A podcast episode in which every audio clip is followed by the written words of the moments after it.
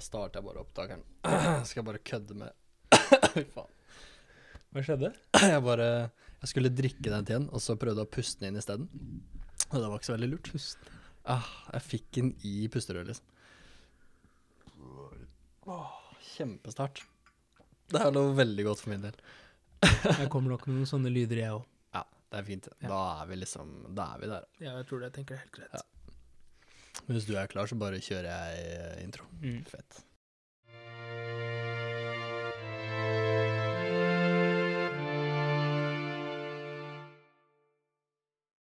Hei, og velkommen til Jonas skal bli mann. En podkast hvor jeg, Jonas, rett og slett prøver å finne ut av hva det vil si å være mann, og hvordan man blir det. I dag har jeg med meg psykoterapeut Thomas. Halla. Halla? Du, hyggelig at du kommer på. Det må jeg bare si. Ja? Um, og så blir jeg nysgjerrig på sånn For deg. Thomas har litt eh, problemer med stemmen her. det her er en kjempestart. Eh, jeg bare tenkte på Du jobber som psykoterapeut Mm. og får jo innblikk i altså en del saker som har med folk å gjøre. Får se en del Mhm. problemer.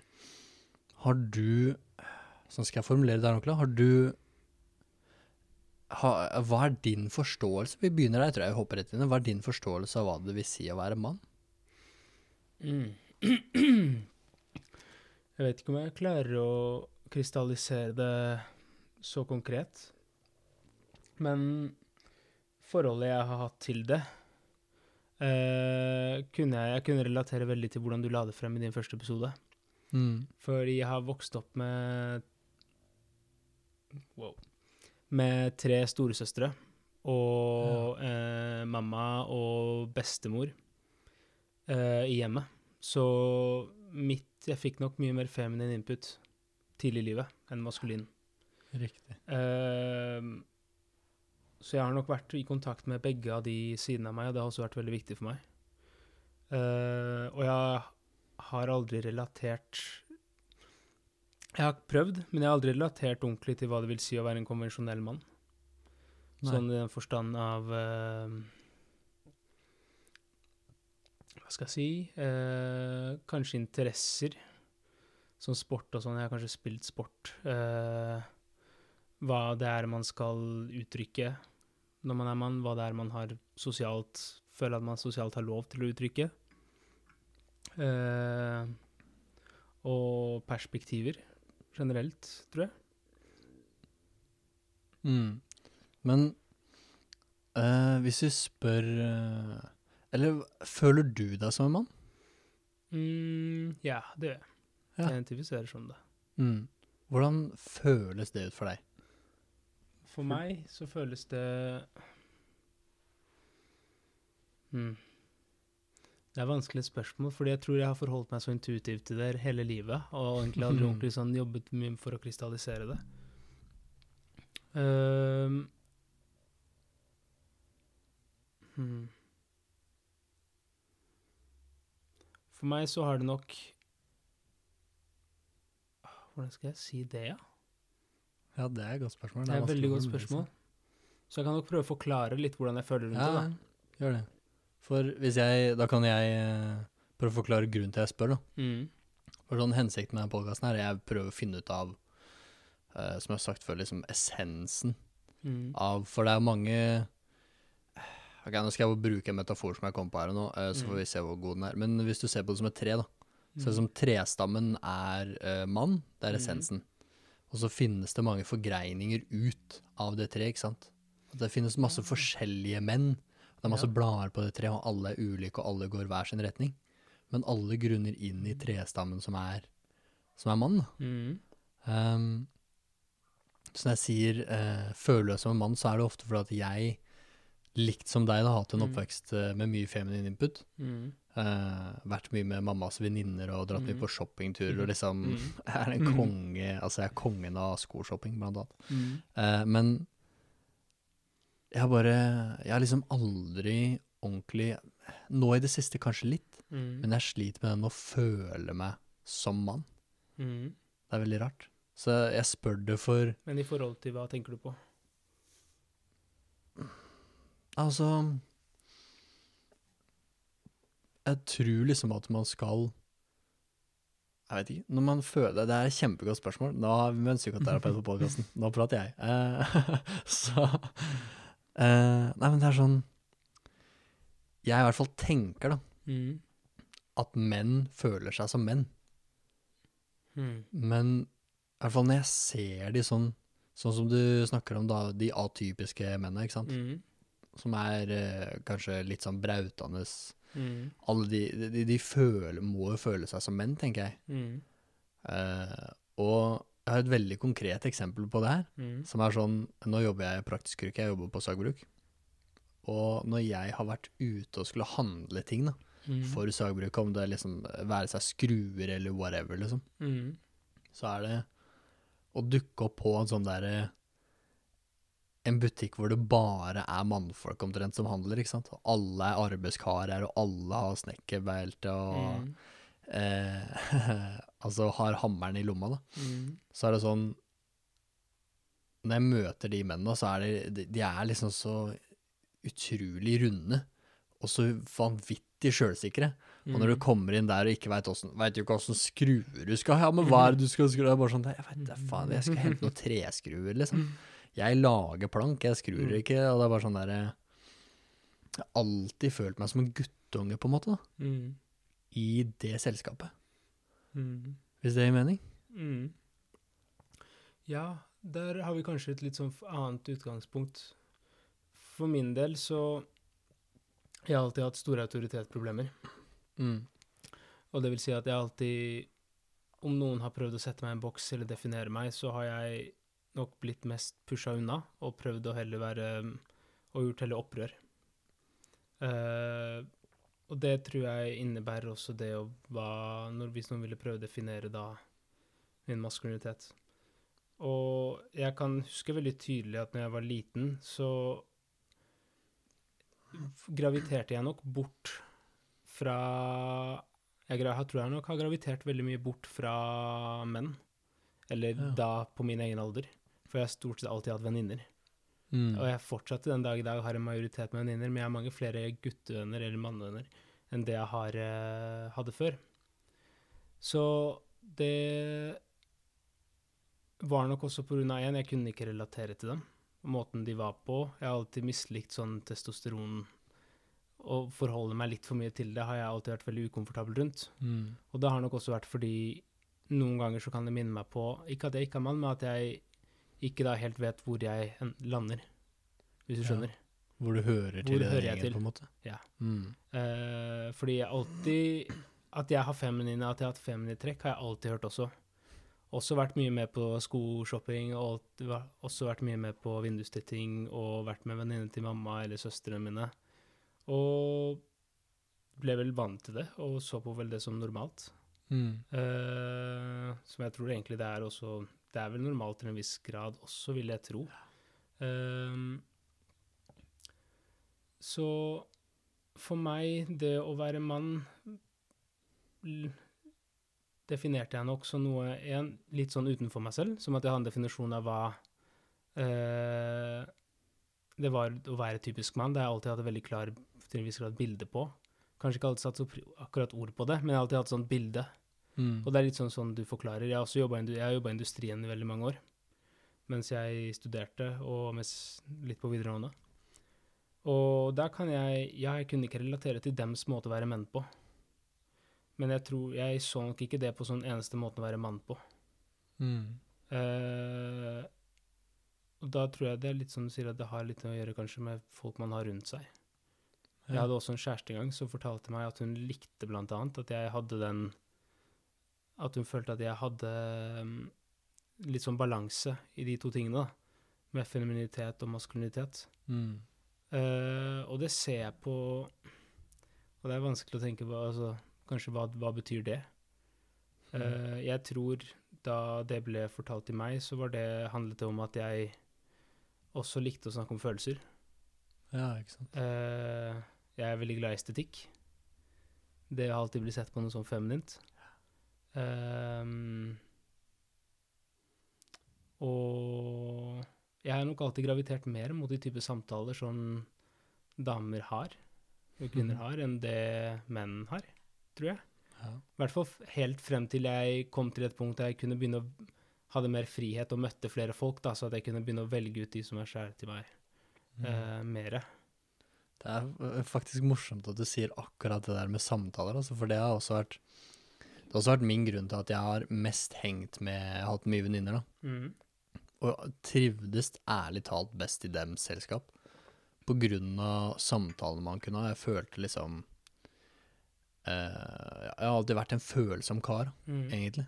Eh, og der var det helt greit å være følsom. mm. Og være lei seg eller kjenne på ting og være usikker, liksom. Mm. Mens i Det er liksom øh, født og oppvokst også i det miljøet, ikke sant. Mm. Med sånne manne-mann-type menn, ikke sant. Mm. Og der er det jo ikke det. Der enten så kan du det du gjør, Mm. eller så holder du kjeft. Mm. Det er noe, det er ikke noe sånn mellomting. Og det er Mm. kun de der eh, kun, Jeg husker så godt. Det er sånn, sånn Nå dukker det opp så masse minner mens du sitter og prater. Men sånn der, eh, det å være han guttungen som prøver å være med pappa, da. Og liksom Mm. prøver å få det til. Mm. Og så ser du noen andre på din alder som liksom som skjønner greia med jobb. Mm. Sånn, når, når en begynte å gjøre noe, så, så skjønte de hva det var de kunne Mm. gjøre for å hjelpe til. Mm. Jeg hadde ikke det instinktet. Jeg er ikke født med det. Mm. Men altså, men også prate med jenter, da. Prate Mm. om følelser og sånn. Det, det, det kunne jeg. Det er jeg født med, liksom. Eh, og det var alltid en sånn Skapte en stor usikkerhet for meg, husker jeg. Den derre Klarte aldri prate med menn, for jeg skjønte ikke hva det var de ville jeg skulle si. Mm. Det er sånn, hva skal, jeg, hva, skal jeg, Mm. hva skal vi snakke om, da? Hva, hva skal jeg svare, liksom? Skal jeg være ekstra tøff? Og endte opp med å tøffe meg for mye og ble sett på som idiot, ikke sant? For jeg var en pyse. Ja. Uh, og uh, jeg har bare hatt mye sånne tilfeller. ja, det kan jeg relatere til. At man Jeg husker jeg klarte ikke helt å forstå meg på hvor forventningene lå når jeg skulle kommunisere med, Det er en veldig god måte å si det med på. menn. Hvor Eh, ligger forventningene? Ja. uh, fordi der man vil jo gjerne finne ut av hva I hvert fall på den, den alderen så handlet det mye om hva kan jeg si, og hva kan jeg gjøre for at den altså, de kommer til å ville ha interaksjon med meg igjen, da. Mm. Ikke sant? Mm. Uh, til, Akkurat samme greia. fordi selv om man ikke Selv om jeg ikke kunne relatere til dem, så var det jo fortsatt noe som en ønske i meg å kunne i hvert fall eh, finne ut av hva det her handlet om. Jeg husker jeg så veldig opp til fetteren min i Argentina, der jeg er fra. Um, og han hadde en sånn stor guttegjeng på sånn tolv stykker, som var sånn skikkelig sånn Skikkelig sammensveisa fra jeg tror, Seriøst, fra barnehagen til nå. De er sånn 30. Har alltid vært dem. Mm. Og jeg tenkte bare å, det der vil jeg ha.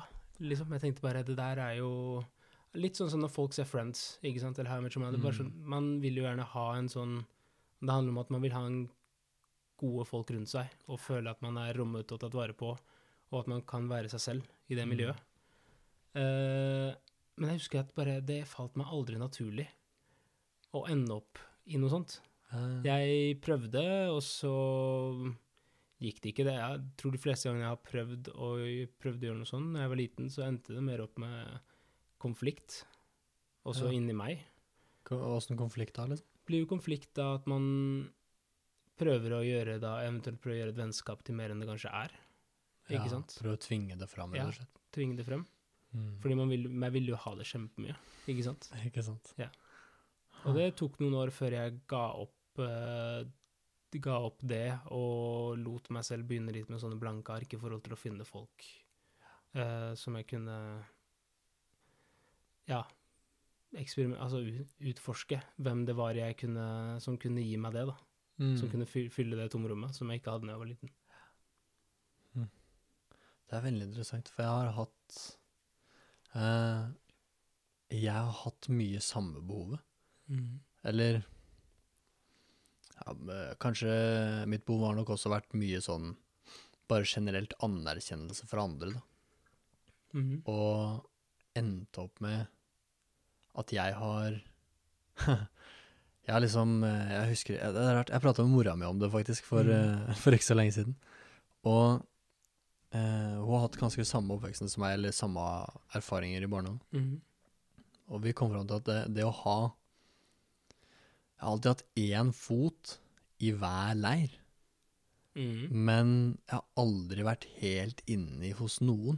Mm. Sånn, eh, jeg husker da at jeg var eh, Jeg kunne henge med liksom de, de kule barna da, som det var Mm. eh, når man var yngre. Men jeg var han teite hos de kule. Og så kunne jeg henge med de som var teite eller tapere. Mm. Men jeg følte meg liksom ikke som en av dem. Jeg, og da var også jeg på en måte han kule av taperne. Mm. Og så hang jeg med nerder, eller liksom den smarte gjengen, og de eh, Der var jeg den dumme av de smarte. Mm. Så hang jeg med de dumme gærne som på en måte er fra gård og litt sånn Mm. semi samme oppveksten som jeg har hatt, bare at de virkelig har levd 100% og kjørte jo motorsykkel fra de kunne gå og kjøre traktor og liksom fullt opplegg av det dynamitt i Mm. hagen. da. Men da var også han, da var han forsiktig av de gærne, ikke sant. Mm. Så liksom, uh, uansett hvilken gjeng jeg gikk til, så passa jeg liksom aldri helt inn. Mm. Uh, og nå eh, hadde jeg et poeng med det jeg sa, men det har jeg glemt. Ja, men det, jeg kan relatere til det, og jeg også følte nok at jeg havna mye i midten mm. på den måten. Uh, og for min del så tror jeg også det at Det handlet også mye om fordi og Det handlet om Ja, klarte ikke å oppnå kanskje det potensialet jeg kunne gjort i flere områder. Mm. Eventuelt av å Ikke sant, når du sier det med at du var med folk som klarte å være den de var, uansett hva de var og hvem de var, på sin eh, rare måte. Mm. Men de fikk det til i hvert fall, fordi de har kanskje vokst opp i det, og det har vært naturlig for dem å være sånn. Eh, men jeg tror den, for min del, den å ha den konflikten jeg hadde inni meg selv, i forhold til Ja, det var, handlet nok, den var nok ikke så mye om maskulinitet og feminitet, det handlet ikke også mye om kulturidentitet for meg å flytte til Norge. Mm. Men det var blant annet også det å passe inn, og det er jo en bagasje med mange ting. Så jeg tror den konflikten i meg gjorde at jeg var mye inni mitt eget hode. Mm. Og da var jeg nok ikke meg, da klarte jeg ikke å være meg selv, eller det, for jeg visste ikke hvem jeg var, jeg visste ikke eller hvem jeg ville være, men det var bare konflikt. Så da istedenfor å utforske, og istedenfor å bare være litt sånn eh, Gi meg selv muligheten til å være litt sånn all over the place, så var jeg nok mer passiv av meg. Fordi jeg var mer på innsida enn til stede. Mm. Du tror, ja. Ja, det Men eh, for du sier du er jo fra Argentina. Mm. Var det å komme hit, liksom? For du kom hit ganske ung, gjorde du ikke? Mm. Jeg var åtte. Og å komme hit for meg var en utrolig Det var nesten en litt sånn dramatisk opplevelse som barn. Jeg tror nok jeg var jo åtte, så jeg kunne ikke forstå hvorfor vi skulle flytte hit. Mm. Og også i Argentina så har nok kultur at du skjermer barn en del fra ting som man ikke antar at de kan forstå, ja. eller, eller bearbeide. Så å flytte til Norge, og som da innebærte et gigantisk kultursjokk Ja. på mange måter, Uh, gjorde veldig sånn at jeg fikk et ekstremt stort savn. Og når, man er åtte, når jeg var åtte, så visste jeg ikke hva det hva var det jeg savna. Jeg bare visste at det var, nå er det et eller annet som ikke er her lenger. Mm. Ikke sant? Og jeg vokste opp med et veldig Jeg kommer fra en italiensk familie. Så alltid vært veldig vant til å ha familie rundt meg som viste meg utrolig mye kjærlighet, og som alltid var der for meg. Og å komme hit og ikke ha det Uh, Eller jeg hadde jo min nære familie, men jeg hadde ikke den store delen. Mm. Det Der mangla jeg noe veldig stort, og jeg klarte ikke å sette ord på det. Så da ble det mye sinne. Mm. Og det var veldig lett å skylde på Norge, og det gjorde jeg i veldig mange år. Uh, med tanke på at jeg innså nok de individualistiske tendensene til den kulturen her uh, fra veldig tidlig av. Og janteloven venta nærmest på meg eh, på flyplassen når jeg landa Mm. for første gang. Eh, og det var veldig vanskelig å forholde seg til, og igjen enda et sted der jeg ikke visste hvor forventningene lå. Mm. Hvordan skulle jeg finne ut av det, ikke sant? Ja. Eh, og det endte opp med at jeg bygde opp mye frustrasjon. Og mye Ja, mye sinne. Noen ganger litt skam i forhold til hvor jeg var fra, og at jeg snakket annet språk. Ja. Uh, og da igjen utvikla mye stahet og arroganse, Mm. som tok veldig mange år å egentlig bearbeide og forstå seg på og sortere. Mm. Mm. Kom du fram til noe Vel, jeg husker veldig tydelig at jeg hadde, disse jeg hadde samtaler med min mor om det her egentlig flere ganger gjennom, uh, gjennom oppveksten. Og det var flere ganger hun, jeg tror hun prøvde å fortelle meg at uh, tilhørighet og lykke og det å være seg selv, det kommer fra innsiden. Ja, smart sagt. Ja. eh, jeg vet ikke om hun alltid Det å komme til Norge var en påskjønning for alle i familien min. Både som familie, men også som individuelt så skjedde det noe hos alle. Så jeg tror nok ikke hennes formuleringer alltid Mm. var eh, som jeg trengte dem. Mm.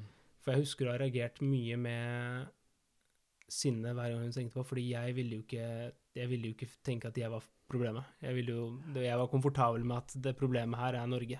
Mm. og det er kulturen her. Um, men jeg har satt veldig pris på i etterkant, og jeg har husket veldig mye tilbake til disse samtalene, og senere i livet, gjennom andre ting, forstått at hun hadde urett. rett. Eh, jeg var bare ikke mottagelig for det da, Mm. men det er det at når man ikke Når jeg ikke forsto igjen hvor Jeg, jeg forsto ikke meg på kulturen, ikke Mm. sant?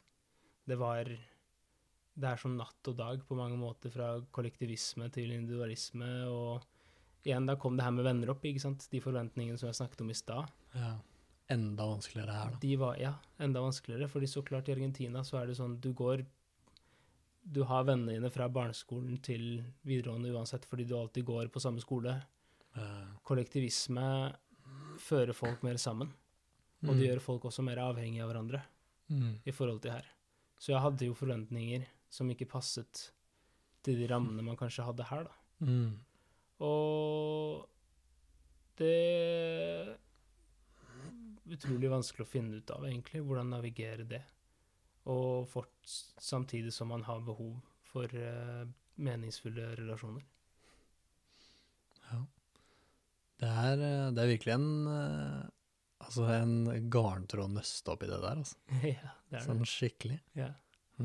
Men føler du har Føler du har landa noe mer nå, da? I liksom noe som du har blitt uh, Kall det voksen, da. Jeg tror å bo i Budapest i fem år Ja, ga det. meg den avstanden jeg trengte, Ja. også.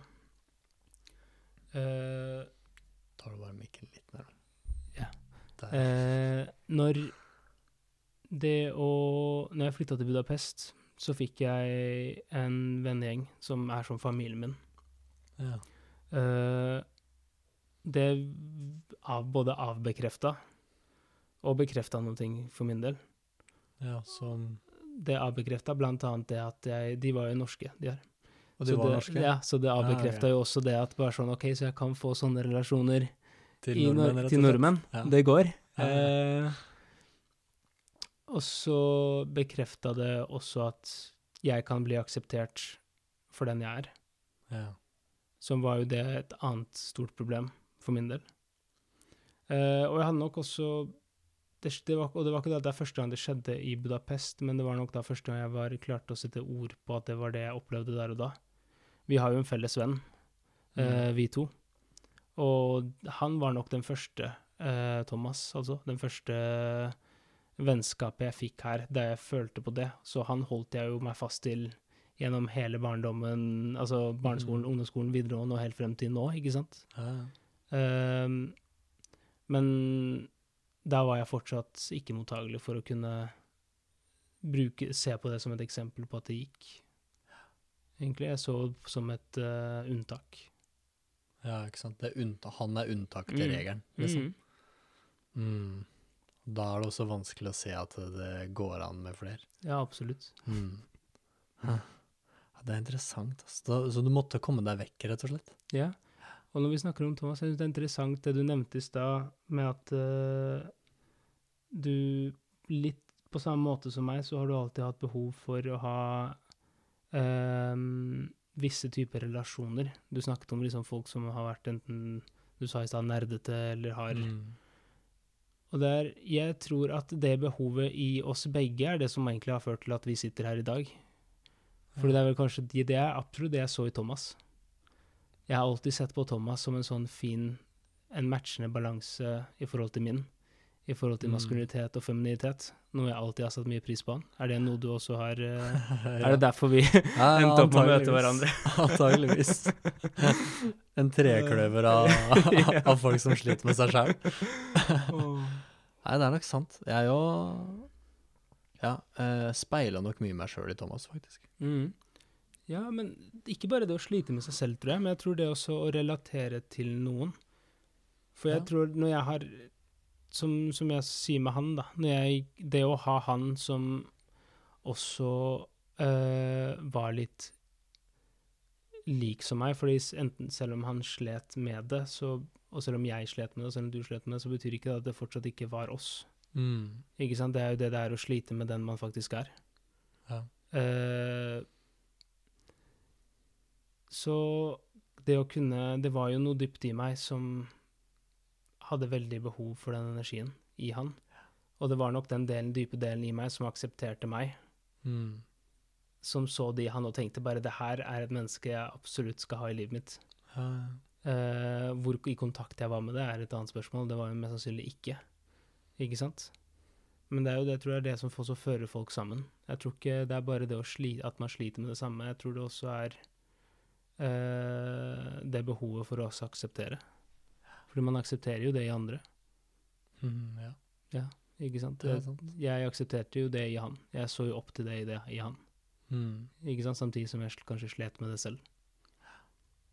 Det er eh, Det bare dukka opp to sitater i huet mitt nå Mm. mens du prata om det her. Det første var eh, et som jeg hørte på eh, den ene den podkasten som du viste meg. Mm. Hørte på den på vei hit, eh, på Å, hjem fra gjorde du? Mm. Mm. Mm. Og der var det noe de sa eh, Og så skal jeg oversette det på en god måte. De sa det at eh, du må stadig ta eh, Altså, du må stadig sjekke opp med deg sjøl hvis, du- hvis du er på den eh, Jeg liker ikke å kalle det reise, jeg syns det er så teit å kalle det for reise. Men nå kaller vi det for reise. ord. Når man er på den reisen da, om å bli bedre, Mm. eh, så så man stadig liksom sjekker inn med seg sjøl for å eh, kontrollere at man er den At man er seg sjøl, Mm. sjøl om man prøver å bli den man vil bli. Som jo er en munnfull, eh, kan du si, men Mm. jeg likte det veldig godt, for særlig sånn det siste året, halvannet for min del, Mm. så har jeg virkelig vært på den reisen her. Mm. Ehm, og en av de tinga som jeg ubevisst har gjort nå i det siste, som har gjort at jeg har blitt bedre, da, Mm. eller som føler, jeg føler at jeg har en ordentlig oppsving, liksom, Mm. er det at jeg har begynt å sjekke inn mer med meg sjøl. Mm. Sånn, OK, jeg, jeg veit at jeg vil bli bedre på altså ørten ting, da. Mm.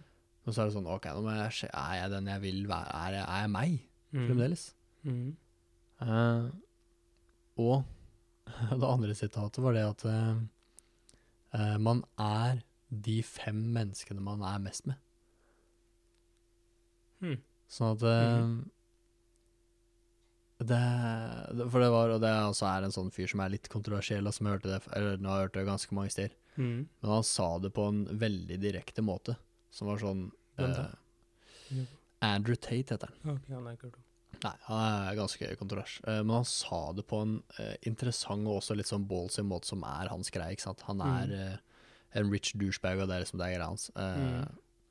Men han sa at eh, Han sa vel at hvis du er Hvis du er de fem du tilbringer mest tid med Mm. Hvis du er med fem blakke, stakkarslige jævler, og da er du en Mm. blakk, stakkarslig jævel, da er du med Mm. fem millionærer, så blir du en millionær. Mm. Og det er, sånn, det er en veldig kontroversiell måte å si det på at uh, I hvert fall det jeg tok ut av det, er det at hvis du tilbringer tid med folk du egentlig ikke vil være som, Mm. som egentlig ikke trives med dem, så blir du til slutt et menneske du ikke trives med sjøl. Mm. På kontra sånn som med Thomas, da, når du Mm. møter noen som du kaller resonnerer ordentlig med, da, Mm. og som du trives å være med, da blir du mer sånn. Da får du mer Mm. aksept, på en måte. Mm. Al altså bare å være med de, da får du mer aksept for deg, sjøl. Mm. Og det tror jeg virkelig på. Altså. Jeg har gjort noen endringer i livet mitt med akkurat det. Mm. Og gitt folk mindre oppmerksomhet som jeg egentlig ikke vil være som. Og heller brukt mer tid med de som jeg virkelig Altså som jeg får energi da av å være med. Mm. Og det har gjort mye for meg, det òg. Mm. Jeg tror nok på det På å legge det frem sånn. Jeg kan forstå at det kan komme ut som veldig, en veldig simpel måte å sette det på, og det er det nok. Men jeg tror Hvis jeg skal snakke fra egen erfaring, og fra alle gangene jeg har prøvd å hoppe fra miljø til miljø, for min del, som jeg gjorde mye av i min, i min eh, ja, utforskning av å finne ut av hvor jeg hører Mm. til. Eh, så er det jo det at Det er en ting at man kanskje begynner å plukke opp eh, vaner, og man begynner å gjøre ting som de du er med, gjør, men det er også det at jeg husker at når jeg, merker, når jeg merker at jeg er et sted, og jeg gjør noe jeg egentlig ikke vil, så får jeg veldig fort en sånn negativ assosiasjon til meg selv. Ja. Og det er noe det er noe jeg har vært veldig sånn obs på, men det er noe som jeg også Når jeg skjønte det at Jeg husker når jeg skjønte det gikk opp for meg, var vel under studien at det gikk opp for meg, det også at Når jeg leste om det eh, At vi mennesker er veldig flinke på å skape uheldige assosiasjoner til ting som vi ikke mener å skape en negativ assosiasjon til nødvendigvis. Hm. Ikke sant? ja, det er nok riktig. Det har jeg aldri tenkt på før. Nei, og jeg eh, Det er noe jeg jobber mye med. Eh, og det er det her med For eksempel Jeg jeg har et veldig sånn trivielt eksempel på det her, da. Eh, men jeg tror det er et eksempel som man kanskje kjenner seg igjen i. Jeg jobber mye med Etter ett sånn setning jeg jobber mye med, det er det her med folks frykt for det spørsmålet med hvordan går det. Det er fortsatt litt sånn Jeg syns det er nesten sånn Det er nesten sånn parodi inn hos meg, altså hvor mye, hvor mye makt det spørsmålet har, da. ja, åssen da? Ikke sant? Nei, i den forstand at hver gang Det er noen ganger hvis jeg har uh, uh, At jeg bare kan si det. Si til en helt gruppe. Ikke sant? Og når du merker blikkene, ikke sant, kanskje, eh, så viser det hvor mye makt det har. Fordi Og det kommer jo veldig an på Folk tenker kanskje at de eh, eh, Det er lettere å svare på det om man har det bra, og det er det jo. Ikke sant? Men veldig mange får utrolig mange tanker rundt det. Ikke sant? Fordi skal jeg dele for mye nå? Eh, vil jeg byrde dem om jeg sier for mye? Eh, ikke sant? Og Den der 'jeg vil ikke gi deg mine problemer'-greia, liksom. ja, den er Mm. veldig stor. Eh, det tror jeg det utrolig utro, utrolig stor. Og det, det er noe som når, jeg, når det gikk opp for meg, så sårte det meg. Det var sårende. Og i den, det var sårende i den forstand at jeg ble da i en veldig sånn bare sånn kort tid, men jeg bare, det var en sånn ting jeg ble litt lei meg av og innså hvor eh, utbredt det er da, Ja. for folk. Eh, og det som jeg synes var enda tristere, er hvordan når, disse men når mennesker ikke klarer å formidle til en person hvordan de faktisk har det, og de ender opp med å kanskje bruke en strategi de har brukt da. Folk, jeg har lagt merke til at folk skaper strategier rundt det her. Mm. Og noen bruker mye metaforer, og noen sier uh, har en fast ting de sier, da. Som 'det går bra' er jo en av dem. Vi mennesker, når vi er uærlige, så vi får jo en litt sånn uggen magefølelse. Mm. Magen reagerer litt. Og da ofte hvor da man skaper en, kanskje en sånn negativ assosiasjon til en menneske man kanskje egentlig ikke vil ha en negativ assosiasjon til. da. Ja, på grunn av det du gjør sjøl, rett og slett. Ja. Fordi neste gang du kanskje møter et menneske, så får du kanskje den klumpen i magen òg, fordi Det det var Forrige gang turte jeg ikke å være ærlig. Ja, og man tilknytter ubehag til det, Mm. til den personen. Mm. Uh, og nå mista jeg litt sånn tråden på hvordan vi kom inn på det her. Det Det også viser hvor mye det krever av meg å bare sette ord på ting. Det er ikke noe jeg vanligvis er veldig flink på. Nei. Det er behagelig å stille spørsmål, ikke sant? Ja, det er det. Det er det. Jeg syns det er det beste med den podkasten her. Ehm, men ja, hvor var vi sånn egentlig? Du, det er et kjempegodt spørsmål. Jeg, det dukka opp mye tanker i huet mitt òg nå, når du prata om det der, sånn, så jeg òg har spora helt av.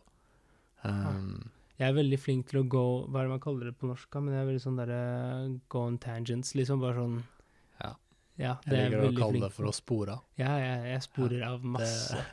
Er eh, Masse.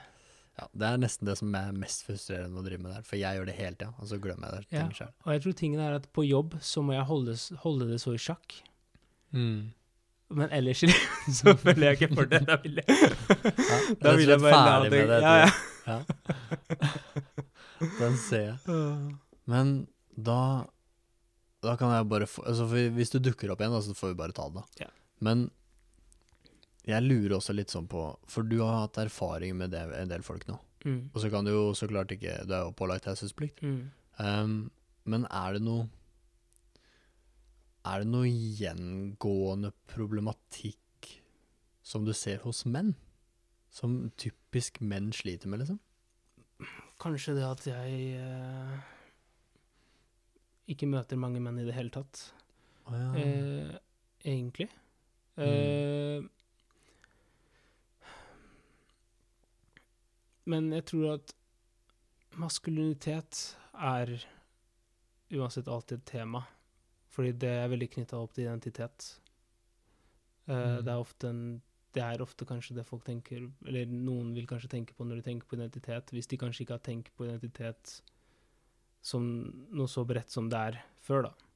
Så kanskje når det først Når, identitet, når ens identitet først blir trua, eh, og, man, og det kommer opp, så kan det være en ting man tenker på. Mm. Ehm, og da er det litt sånn som det du sa, det du nevnte når vi begynte å prate, det her med det å være ressurssterk. Mm. Det er en sånn ting som er tilknyttet til å være mann. Eh, og så er det ikke sant, være ressurssterk med å klare å levere ressurser, klare å stille opp eh, enten det er for familie, for venner. Ofte veldig sånn fysiske ting.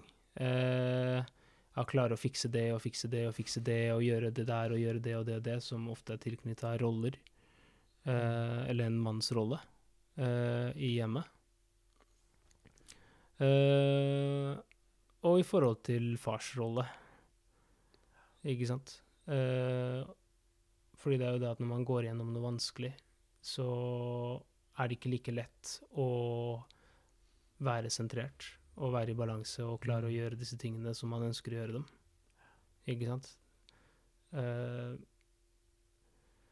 så ja, maskulinitet er absolutt en ting som of, veldig ofte kommer opp. Mm. Ikke sant? Og det jeg syns er interessant da å jobbe med, er da å jobbe med hvordan tankene rundt maskulinitet og hva det er, og hvor rigide de kan være, hvor rigid det kan være, er det som i seg selv kommer i veien. Ja. Altså, altså, hvis jeg forstår riktig, at det er tankene du sjøl har, som stopper deg fra å være den du er? På en måte så ja.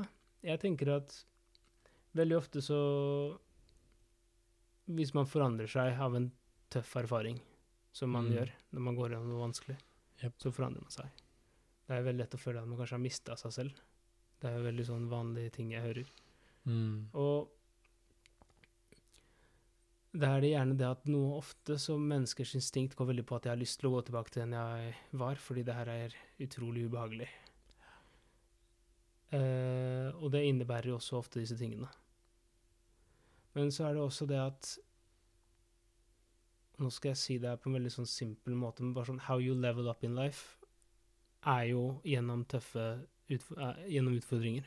Mm. Det betyr ikke, igjen, jeg sier ikke at man trenger å gå gjennom utrolig eh, stort psykologisk ubehag, eller noe veldig sånn dramatiske påkjenninger eh, på liv og død, men utfordringer får jo en person til å vokse. Eh, og da kan man jo ikke være den samme som man var. Mm. Det er veldig interessant at du sier akkurat det med utfordringer, for nå uh, Var du inne i førstegangstjenesten og sånn? Nei. Nei. For det er bare jeg har jo alltid hatt en stor interesse av det, ikke sant. Mm. Så uh, ja, nå er jeg for gammel for å jobbe der. Mhm. syntes leit, som du sier. Um, men så hører jeg en del på sånne uh, podkaster med med typisk nei Den ene er med en amerikansk Navy Seal, som er en jævla fet fyr. Han skriver mye bra bøker. Mm. Så jeg har hørt på noen norske, og så er jeg jo inne i noe greier. Um, så det er bare akkurat den der med utfordringer. Mm. Sånn er det når man er i rekrutten, ikke sant, så er det jo basically du skal bare bli pusha rundt og ha det jævlig stund. Mm. Men det, det knytter altså så sinnssyke bånd til de du er der med. Mm. Og det husker jeg sånn, bare man Altså hvis du var ute da, med en legitim greie, knekt tær eller en arm Mm. eller whatever, eller du er ordentlig dårlig, Mm. og ikke fikk vært med på sånn de to-tre dagene da, hvor Mm. vi gjorde en ting som sugde skikkelig, liksom, Mm. så var man på en måte ikke en del ordentlig av gjengen. Altså du var en del av gjengen, liksom. Mm. Men man kobla seg ordentlig, aldri ordentlig inn igjen før man hadde vært igjennom en ny ting som var dritt. Mm. For man eh, vokste så mye som en gruppe, da. Mm. Og det er jo, har jeg skjønt, et virkemiddel som de bruker i Forsvaret for å kjapt kunne knytte relasjoner til andre. Ja. For det å gå gjennom dritt med andre, da binder man seg virkelig. Mm. Stemmer det? Ja, absolutt. Jeg tror at det det er jo såpass sterkt at bare sånn alt, alle andre uenig, uh, uenigheter eller eh, f- forskjeller mellom mennesker går altså finnes jo ikke når man må stå i en sånn situasjon sammen. Mm. Det er et godt poeng, faktisk. Det, man tenker jo ikke på alt det. Mm. Uh, så jeg, jeg tror absolutt at det, det er noe de gjør veldig bevisst Mm. i militæret. Uh, og med god grunn også. Jeg tenker også at når man altså, Nå er det jo militæret, da, så det er ikke det at førstegangstjenesten så, så er det det at man skal gå i krig, men jeg tenker at hvis jeg skulle gått i krig med noen, så ville jeg kanskje gjort det med en gruppe mennesker som jeg ikke nødvendigvis er like meg og tenker helt likt som meg, men som jeg i hvert fall klarer å akseptere på litt dypere nivå, så at jeg kan stole på dem, og så at de stoler på meg. Mm. Og så at jeg kan regne med dem, og så at jeg kan også regne med dem til å også møte mine sosiale behov når jeg skal Mm. være i en så vanskelig situasjon over så lang tid. Og da må man jo også krysse den grensa med folk, tror jeg. Med å Tror du ikke du? Jo. Og jeg, når jeg satt og prata om det nå, så klarte jeg ikke å holde ute den tanken at jeg føler ofte det er der mannsrollen er. Den, den delen med at du skal kunne stole på Jeg føler nesten du beskrev en sånn stereotypisk mann. Man, du skal kunne stole på han, han skal være der for deg når det er tungt, hjelpe deg å dra deg gjennom Mm. vonde ting, tunge ting. Mm. Og den tilliten som man på en måte ja, har til, til menn da, i livet sitt. Mm. Samme som med gode, nære kamerater, eksempel. Mm. Står jo der med deg gjennom dritt, liksom. Og så Mm. gir de det ofte litt dritt attpåtil. Mm. Og så er det litt sånn, ja, kan man jo så klart diskutere hvor hyggelig er det å få slengt dritt i trynet når du har det jævlig. Mm. Men det er liksom eh, Nei, jeg følte jeg bare, Det traff meg så veldig, det du sa. Og har ofte i hvert fall følt at det kanskje det er en av de tinga jeg aspirerer til å bli, eller til å inneha. Den egenskapen at eh, hvis det er dritt, så kan du ringe meg, liksom. Mm. Og alle de menna jeg har møtt i Mm. livet mitt, som er sånn Wow, dude, han der er en solid kar, liksom. Mm. De har hatt den egenskapen. da. Mm. At det er sånn, ja, ok, nå er blåser det storm her ute. Da Mm. ring meg. Så ordner jeg det, så kommer det bare en bauta, ikke sant? Og bare Mm. vind, regn, ingenting påvirker den. Mm. Så er det da å finne ut av hvordan det ser ut i en selv, å Ja. være sånn. Mm. Mm. Mm. Og det er jo det som er kjempevanskelig. Men det er jo også det der konflikten kan oppstå, tenker jeg, om man prøver å integrere eh, en ah, ah, nå glemte jeg helt et veldig van et vanlig ord. Eh, den eh, stereotypiske måten å være sånn på. Mm. Og man prøver å integrere det i seg selv, og merker at det ikke stemmer. Så er det jo da det Jeg tenker at det er da også sånne konflikter med maskulinitet kan oppstå. Det er i hvert fall det jeg kan Sånn jeg kan relatere til det. Om jeg prøvde å integrere en stereotype i meg, og merker jo fort at det, det, det stemmer ikke, og det føler Intuisjonen min sier at det her er bare det Det her stemmer ikke, det her matcher ikke i det hele tatt. Den puslespillbrikken skal ikke hit, rett og slett. Ja, det går, Mm. ja. Eh, og det er da igjen bare sånn Ja, ok, men hvis det ikke Da er jeg ikke sånn, da. Ikke sant? Så begynner man å tenke Mm. sånn Å, er jeg ikke Det husker jeg jo, det er bare sånn Har jeg ikke da den egenskapen? Uh, er det sånn at jeg ikke kan finne ut Er det sånn at jeg kan ikke være en person som f.eks. er der for folk på den måten? Uh, er jeg en sånn person som folk ikke kan regne med når de trenger en mest? Mm. Uh, fordi jeg ikke kan være det på den måten jeg har sett at man kan være på. Eh, fordi jeg ikke har gjort jobben med å prøve å finne ut av hvordan det ser ut i meg. Mm. Ja, for sånn at um, For det å importere Nå bare kaller jeg det importere, liksom hva yeah. du gjør på PC. Mm. For det å importere stereotypen, sånn Mm. som man tror den skal være, Mm. ikke passer. Mm. Og så tenker man da at eh, da er ikke det meg, eller er ikke en Mm. del av meg. Men, men at det heller handler om å finne ut hvordan ser det ut for meg.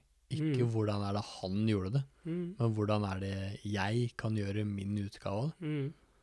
Hmm. Det er en veldig interessant ting du sier nå, Thomas. Du starter veldig mye greier i huet mitt i dag. Uh, jeg bare innser sånn Ja, det er ja, Den podkasten her handler om meg, så jeg får dele litt, av kanskje. Men jeg bare kjente, når du sier det så det, det bare traff meg så veldig, for det er sånn Det er Mm. det, er det jeg alltid har gjort, da. Sånn som jeg Mm. sa i stad. Jeg vokste opp i et miljø med Eller Jeg var jo tatt veldig mye vare for faren min. Han bygde jo en bedrift ikke sant, da jeg var Mm. liten. Og det er jo sånn som jeg setter vanvittig stor pris på i dag. Mm. For nå har jeg uh, Ikke det at det er liksom uh, en sinnssyk omsetning og vi er sjukt mye folk, men det er Mm. faktisk en bedrift som går. Mm. Og det er på en måte en arv som jeg òg kan eh, ja, bidra inn i og kanskje Mm. ta over. og Det fører jo så, klart med sine egne di- dilemmaer. Når Mm. skal man, skal man ikke? Alt, ja, det er mye greier. Men så har vokst opp og blitt tatt vare på mye av mora mi, søstera mi, Mm. venninnene til mamma. Vært rundt mye kvinner, men, og de, liksom, de gangene jeg fikk være med ut da, og være med mannfolka, så ja, så passa jeg liksom aldri inn, for jeg var en feminin gutt. da. Mm.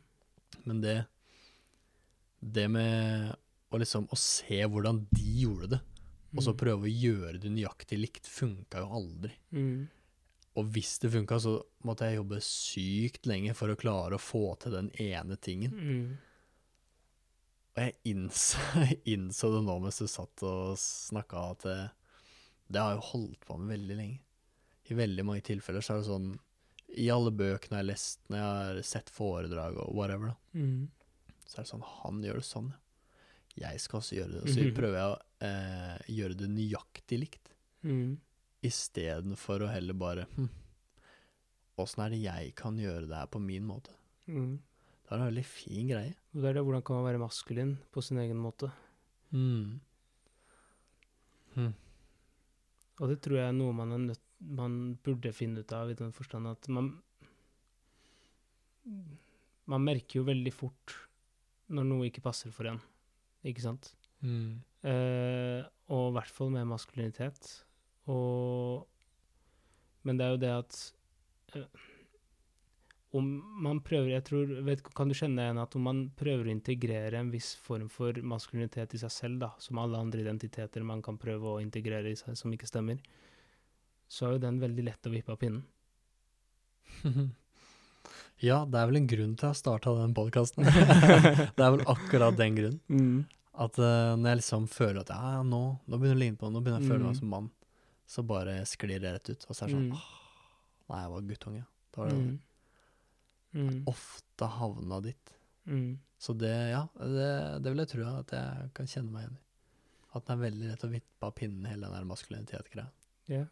Og jeg har Og jeg tror jeg har, jeg opp, Det er en ting som jeg har oppfattet, men som jeg ikke vet nødvendigvis hvor jeg har fått det fra. Jeg har nok bare fått det bare gjennom ja, min egen reise, og heller ikke klart å plukke opp hvor det har kommet fra. Sikkert fra forskjellige vinkler og i forskjellige frekvenser. Men det er det med at eh, man kan ikke finne på sin egen maskulinitet.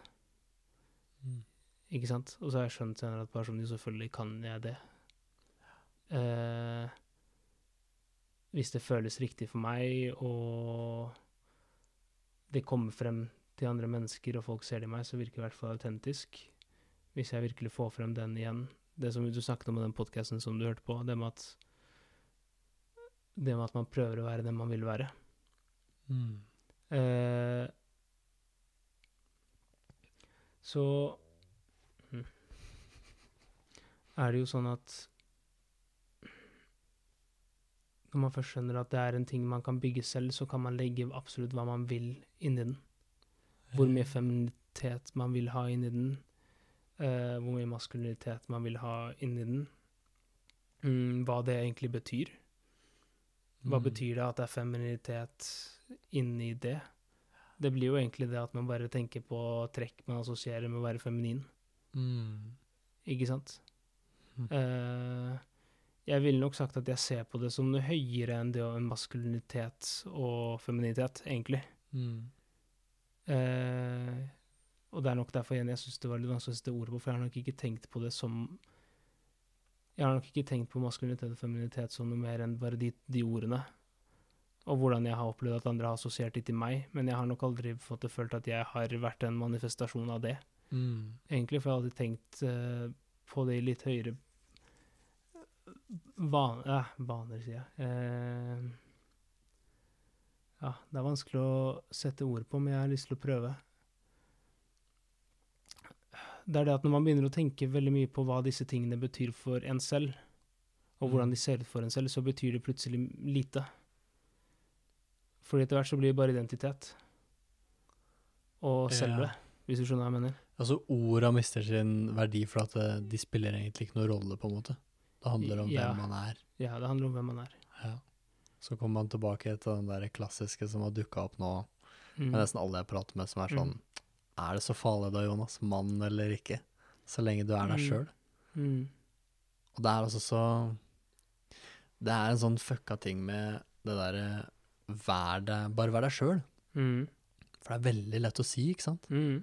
Men så er det sånn Men hvem er jeg, da? Ja, og jeg pleier absolutt aldri å si til noen bare vær deg sjøl, for jeg tror nok det er en lengre samtale Ja, det, det er liksom det, det er alle mine kamerater og venninner sier, da. Mm. Så er det sånn, I hvert fall når vi bare prater kort om det, om det er vi møtes for en kaffe eller whatever Mm. det er vi gjør, da.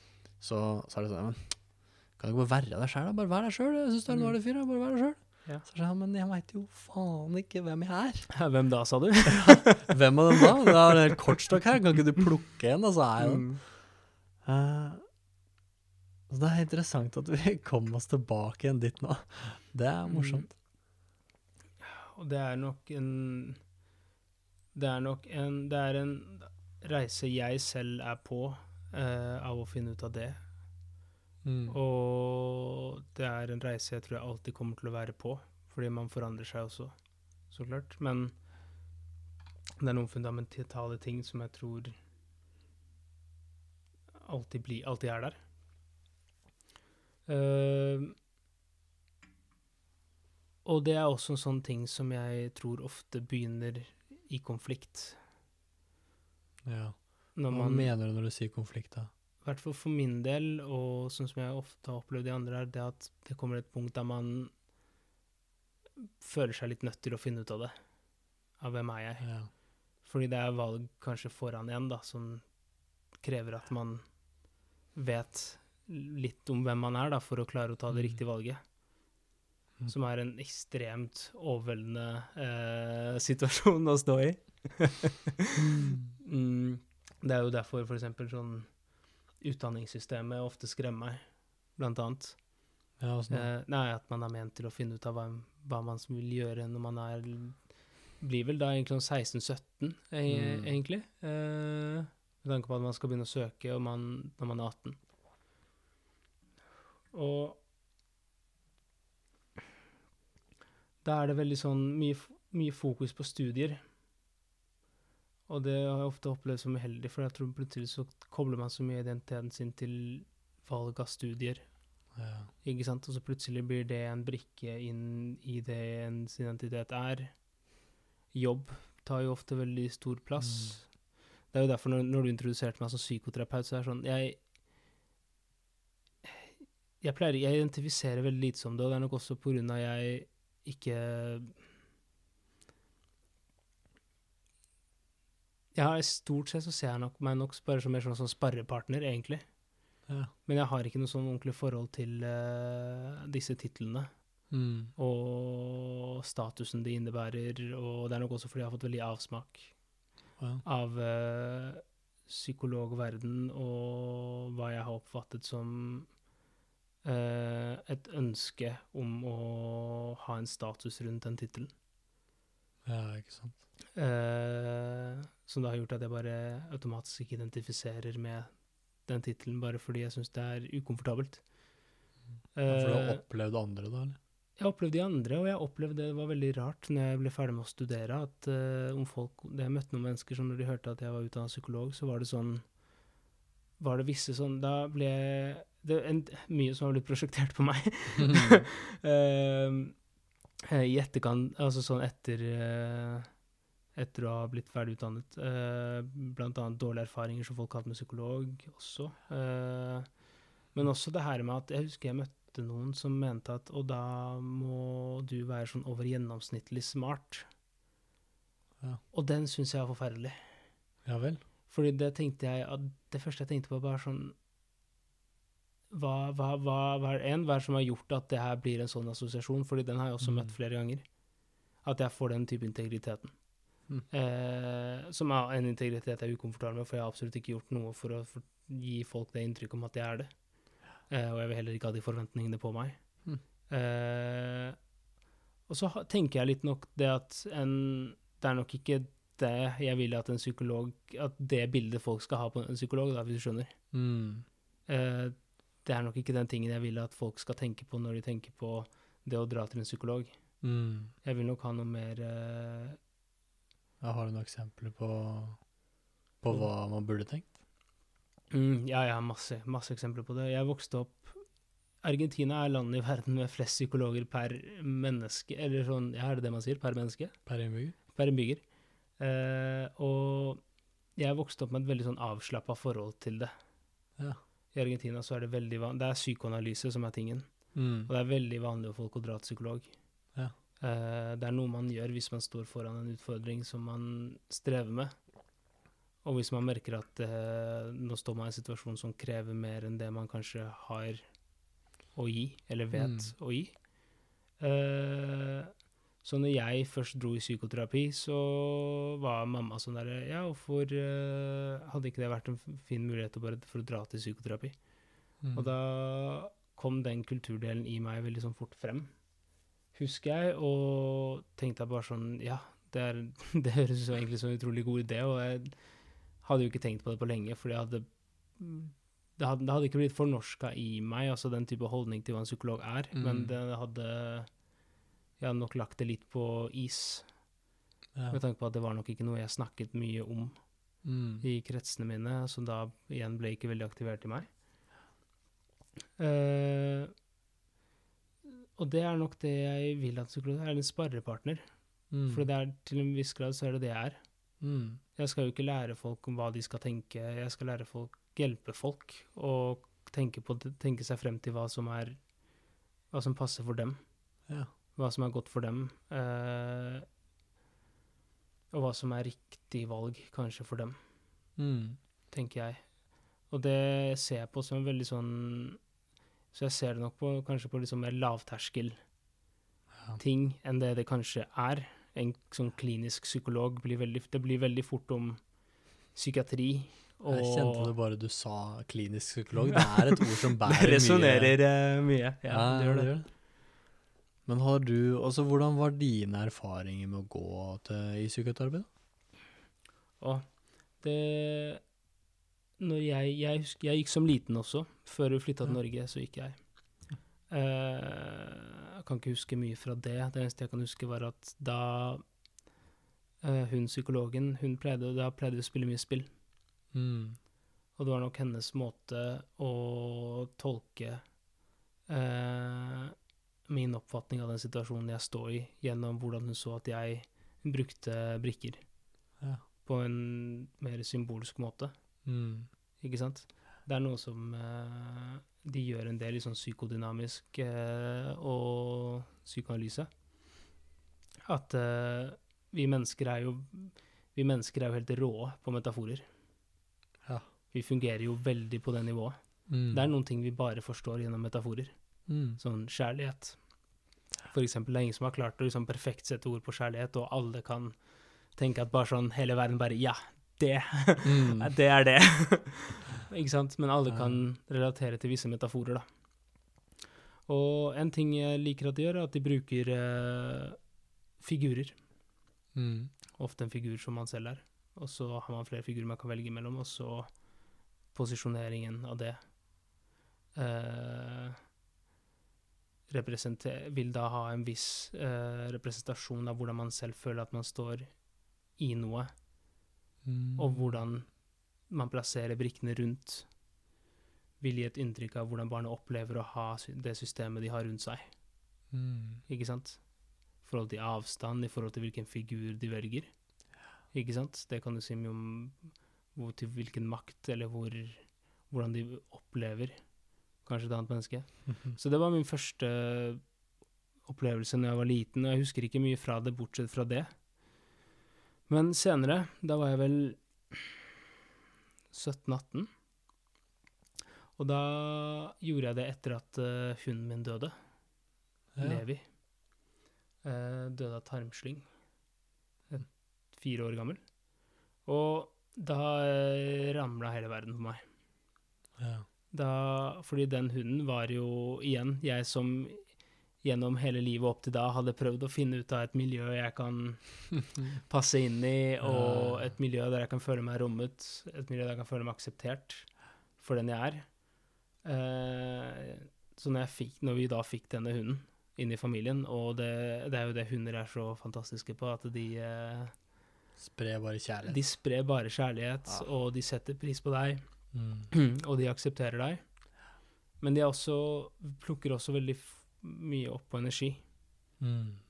eh, hunder, og det syns jeg er veldig interessant. Og det er veldig interessant da, hvordan man bl- blir speila av de noen ganger, Mm. ikke sant? Og, da Og fikk- hvordan de blir som eierne sine. Ja, og jeg, blir, jeg ble veldig speila.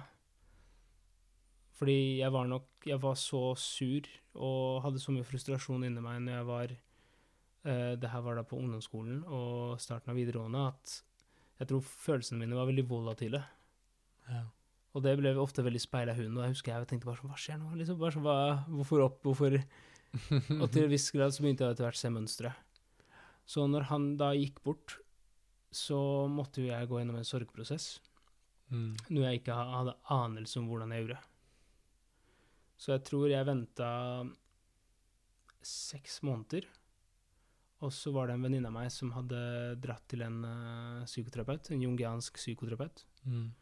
uh, og fortalte meg at uh, bare sånn Jeg har funnet en fantastisk terapeut, og jeg tror det hadde vært verdt det for deg å sjekke det ut. Sa det rolig i bilen en dag etter å ha kjørt meg hjem fra skolen. Eh, og jeg husker at jeg reagerte en del med stillhet og tenkte bare det var nok en, Da hadde jeg nok kommet til et punkt at jeg var bare sånn Ja, det Nå må jeg bare prøve noe. Mm. Og jeg var villig til å prøve det, så jeg husker jeg snakket med foreldrene mine. For jeg hadde ikke så mye penger på det tidspunktet, jeg trengte noen til å betale, det er privat. Skulle jeg venta på offentlige, så hadde jeg venta forgjeves. Um,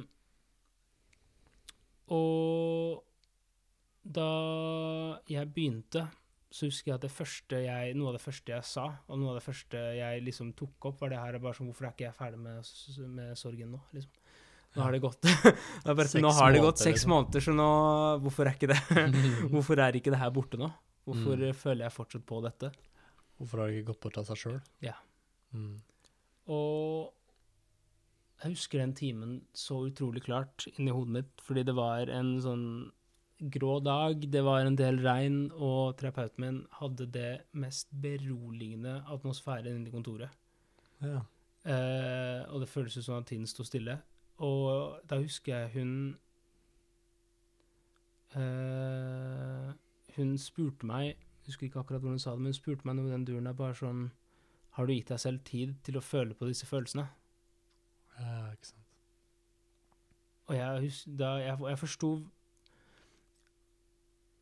jeg, En del av meg skjønner ikke helt hvordan jeg klarte å forstå hva hun mente så fort, fordi det var ikke sånn jeg var vant til, og det var ikke sånne ting jeg var vanligvis mottakelig for helt på det tidspunktet. Men jeg forsto det da med en gang, og, jeg tenkte, og det, hørte, og det føltes bare riktig ut i hele kroppen. Jeg skjønte Mm. ikke hva, helt hvordan jeg skulle gjøre det her, men bare, det hørtes riktig ut. Ikke sant?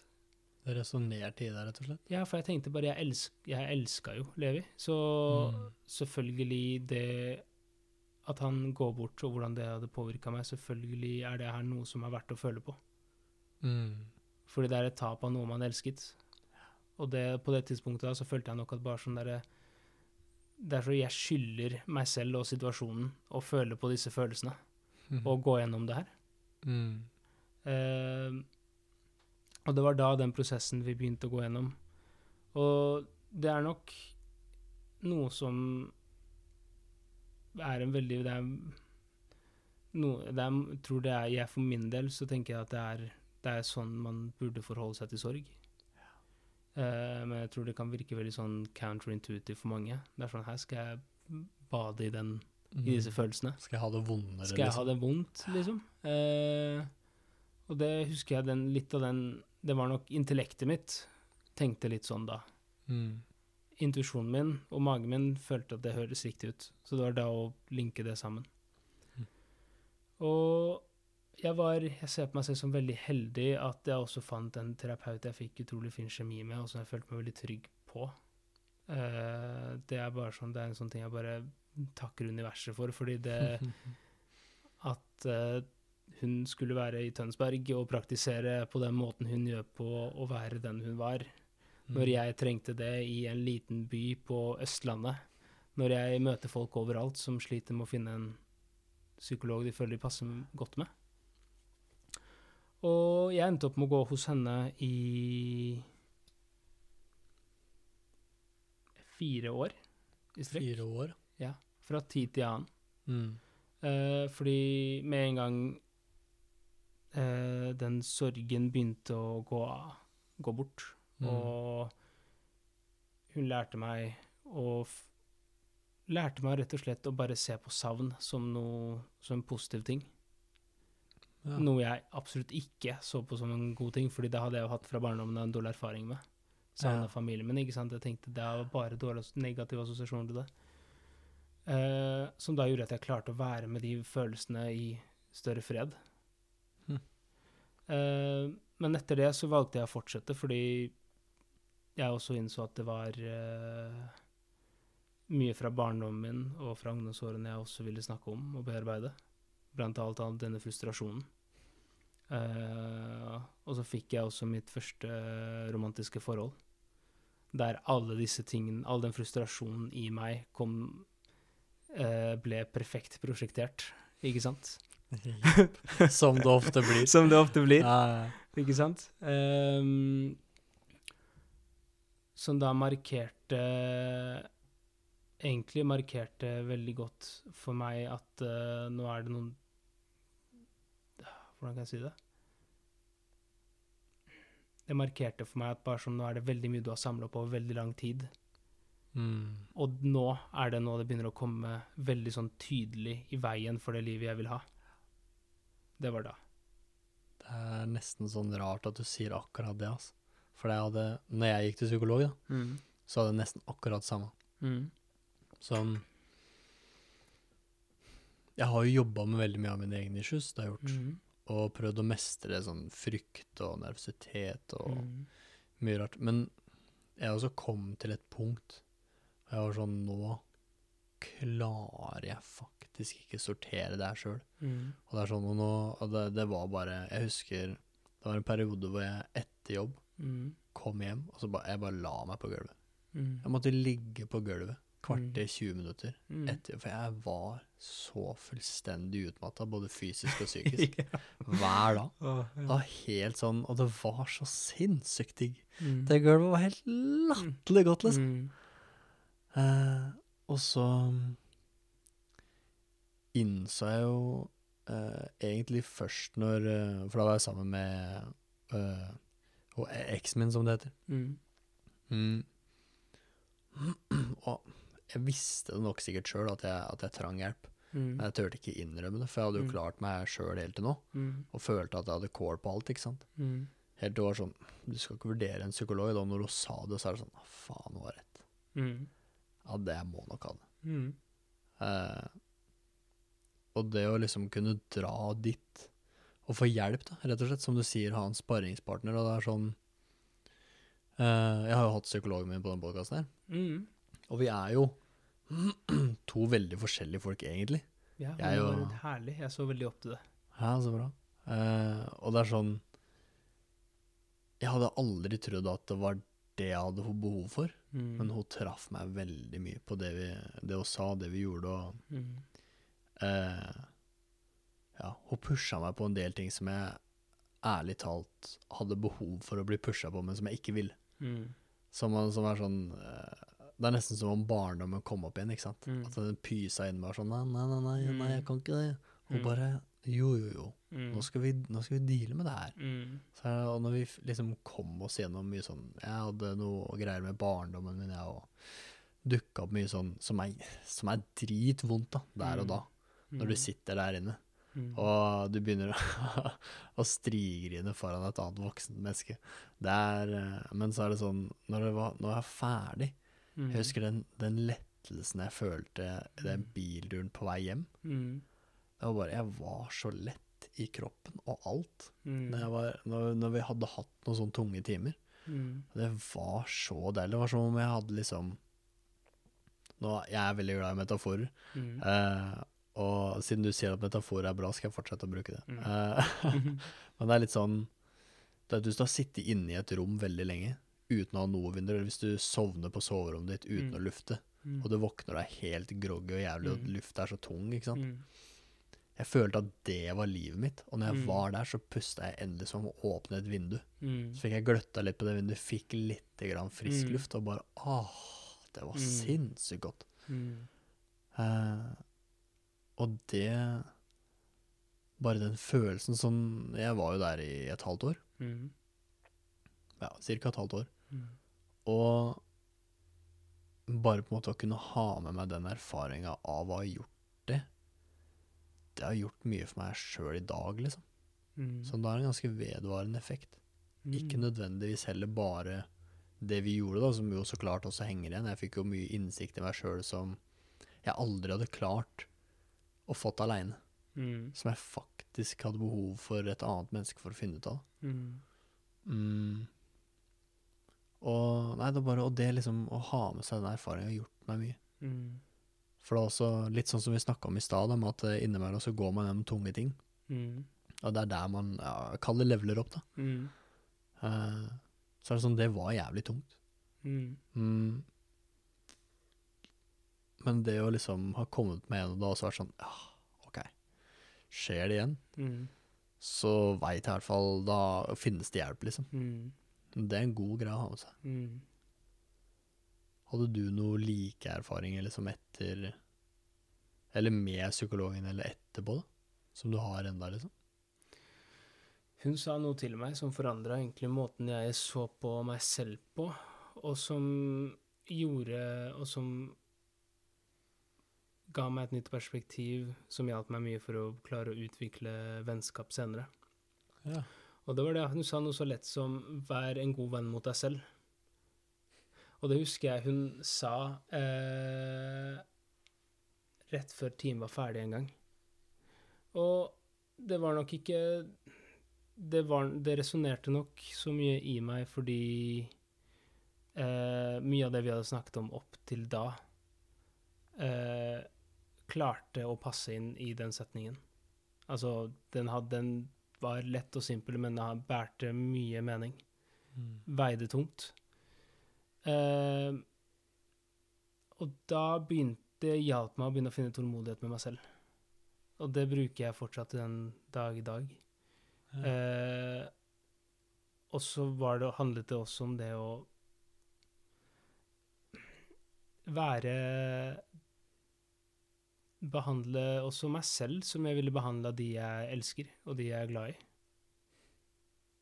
Ikke sant? Fordi det Mm. var også noe jeg hadde syntes var vanskelig, med tanke på Med tanke på hvor mye frustrasjon jeg hadde hatt tidligere, og hvor mye frustrasjon jeg brukte i møte med når folk skuffet meg. Ja. Ikke sant? Eh, så det å Når hun sa det, så klarte jeg også når jeg begynte, det var rett før jeg skulle begynne på studiene, som var nesten som for meg en sånn bibelsk utfordring. Eh, fordi det, det var Jeg hadde aldri vært flink på skolen. Eh, ikke at jeg ikke hadde vært flink, fordi alltid når jeg ville Når jeg ga innsats, så gikk det stort sett bra for meg. Når jeg ikke ga innsats, så gikk det ikke bra, som det ofte er. Typisk, for så vidt. Eh, Men når jeg da gikk inn i det og måtte finne ut av det her med hvordan skal jeg, hvordan skal jeg begynne å lese, hvordan skal jeg begynne å studere, hvordan skal jeg bo alene nå, Mm. flytta jeg med noen for første gang, ikke sant, eh, i en leilighet med hun som nå er bestevenninna mi, og som jeg ser på som søstera mi.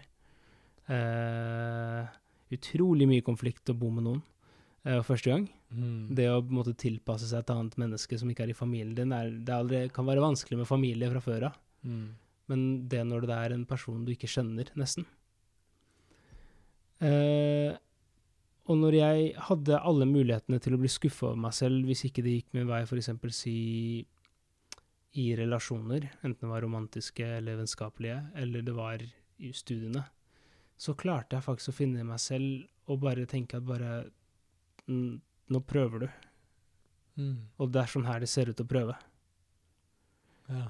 Eh, og hun lærte meg veldig mye om det her med å ha indre dialog med seg selv. Eh, som jeg fortsatt bruker til den dag i dag. Det er noe, og det tror jeg hun også kanskje brukte mot meg, fordi jeg tror hun så at jeg også har gjort en del fra før av. Jeg har alltid snakker, mye, snakker masse med meg selv. Mm. Eh, og det da å ikke være så kritisk til meg selv hele tiden, men å være en god venn mot meg selv, fordi det handler om at jeg må støtte meg selv i det her. Ja. Nå skal jeg gå gjennom noe som er helt eh, Ikke ukjent for meg, men det er noe jeg vet er en vanskelig for meg.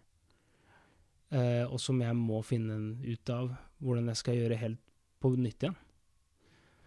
Så det å bare være min egen venn i det, ga meg utrolig mye. Ja. Og det falt også, tror jeg, naturlig for meg, med tanke på at jeg også alltid vært veldig glad i å være alene, og nyter veldig mye mitt eget selskap. Mm. Utrolig mye. Så det å kunne være tilgivende mot meg selv når ting ikke gikk min vei, istedenfor å være kritisk og begynne å katastrofisere med en gang og tenke at bare nå går ting eh, til Ja, kanskje jeg ikke skal banne, men jo. eh, Å, til helvete. helvete, si. Ja. Det, er, eh, det er ikke et produksjonsselskap som står med fingeren bak her, det er bare meg. Ikke sant? Eh, fordi de mulighetene oppsto flere ganger. Og det er ikke det at de fortsatt ikke oppstår, og det er ikke alltid jeg klarer det. Men stort sett så klarer jeg fortsatt å ha min tålmodighet mot meg selv. Mm. Eh, fordi jeg innser at jeg, det jeg stort sett gjør mye av tiden, er at jeg prøver. Jeg, og det er det jeg, man prøver å være den man vil være. Ja. Ikke sant? Og det er Det handler ikke og, for, og det gjør det at det handler ikke lenger om å være den, det handler om å bare bevege seg i den retningen. Mm. Og innse at på et punkt det kom, Man kommer aldri til å nå det og så stoppe der. Det kommer alltid til å utvikle seg videre uansett. Og selv om du hater ordet, så er det jo en reise til en viss Ja, grad. Det er jo det. Ikke sant? Og det tenker jeg at det resonnerer så mye med folk, fordi det er bare sånn man kommer aldri til det endestoppet. Mm. Du kommer alltid til å ha nye erfaringer, tenker jeg, som gjør at du plutselig vil noe på en annen måte. Eller at du har lyst til å utvikle deg videre. Eh, lære mer om deg selv. Lære nye behov du har. Nye interesser, nye lidenskaper. Ikke sant? Det er kanskje bare naturlig med utvikling. Mm. Eh, så det når hun sa det til meg, sammen med det å lære å stå i sorg, som da lærte meg mye om det å bare stå i følelser, og akseptere følelser. Og det er noe av det jeg kanskje bruker mest i min sånn egen praksis i dag, av det, og det er det å hjelpe folk å stå i følelsene som de som kommer opp. Fordi Mm. hun lærte meg på et veldig fundamentalt nivå at all Alt som du går gjennom, og all lidelse, vil alltid presentere en eller annen mening. Ja. Ikke sant? Mm. Eh, når, jeg var, når hun så meg når jeg var deprimert, så er jeg veldig glad for at jeg var hos en som så på ting som det hun gjorde. Og det var det at hun valgte å se på en måte symbolikken i det her. Hun valgte å se på hva er det som hva hvorfor, Altså, ikke, noe- ikke noe lindring. Vi skulle ikke ha noe lindring, det var ikke det Mm. vi var ute etter. Vi var ute etter å finne ut av hvorfor vi har havnet her. ja. Hva er det Ikke som har skjedd? Hva er det som har skjedd? Ikke sant? Og grave i det, rett og slett. Ja. Mm. All den frustrasjonen jeg hadde samlet opp over så lang tid, alle disse følelsene jeg hadde nekta å stå i. Og når hun da lærte meg å stå i følelser, fordi å innse at de har mening, og de er alle like mye verdt. Ikke sant? Mm. Og det er sånn man bearbeider de. Å akseptere seg, ikke sant. Er, vi snakker jo om maskulinitet, jeg synes det er veldig interessant det her med menn og sinne og frustrasjon. Mm. som er kanskje en følelse som menn er mest sosialisert til å vise.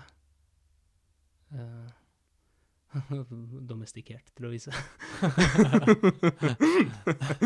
uh, fordi Og det møter jeg så ofte at folk forteller meg, enten det har vært pasienter eller venner, Uh, eller venninner ofte, som sier at som liksom, de har gått gjennom noe kjempevanskelig, og de, er en, og de opplever noen form for tristhet av en situasjon. Og sier bare Ja, nå snakka jeg med kjæresten min om det, og han bare Han ble så sur. Mm. Ikke sant? Fordi det er det Men det er det må være løsningsorientert, tror jeg det havner også litt i. Ikke bare det, men jeg tror det er også litt av det at sinne kan også ofte føre til at man handler på en eller annen måte. Mm. Ikke sant? Men det er også lettere å stå i til en viss grad når man er det er sosialt akseptert at man kan gå gjennom noe på den måten. Mm. Ikke sant? Og så tror jeg òg Da er ikke jeg profesjonell, da, eh, men jeg tror også det er veldig få av oss menn som på en måte noen gang blir fortalt Sånn som hun fortalte deg, da. Stå i følelsene dine. Mm. Det er greit å være typ om du er lei deg, eller Mm. om du er sur, eller hva det enn er. Mm. Så tror jeg det er veldig eh, veldig, Altså sånn som du sier, veldig lett for menn å bli sinna, for det er, det er det vi veit at vi kan, for det har vi Mm. sett, ikke sant? Mm. Man ser andre menn bli sure, ok, da, Mm. hva faen skal jeg gjøre, jeg blir frustrert, veit ikke hva som skjer, for jeg blir Mm. sur, da. Mm. Og ofte presenterer altså Aggresjon, da. Mm. Det er en sånn ting som jeg alltid har vært veldig redd for. Mm. Uh, jeg likte ikke den da jeg var liten, likte ikke når folk ble sure. Liker egentlig ikke det så veldig godt Mm. nå lenger heller. Men som er sånn Som faktisk han der Navy Seal-fyren Mm. var sånn uh, Prata om det at uh, sinne eller aggresjon behøver ikke være negativt. Mm. Aggresjon er et verktøy du kan bruke for å faktisk agere på ting som er bra for deg. Mm.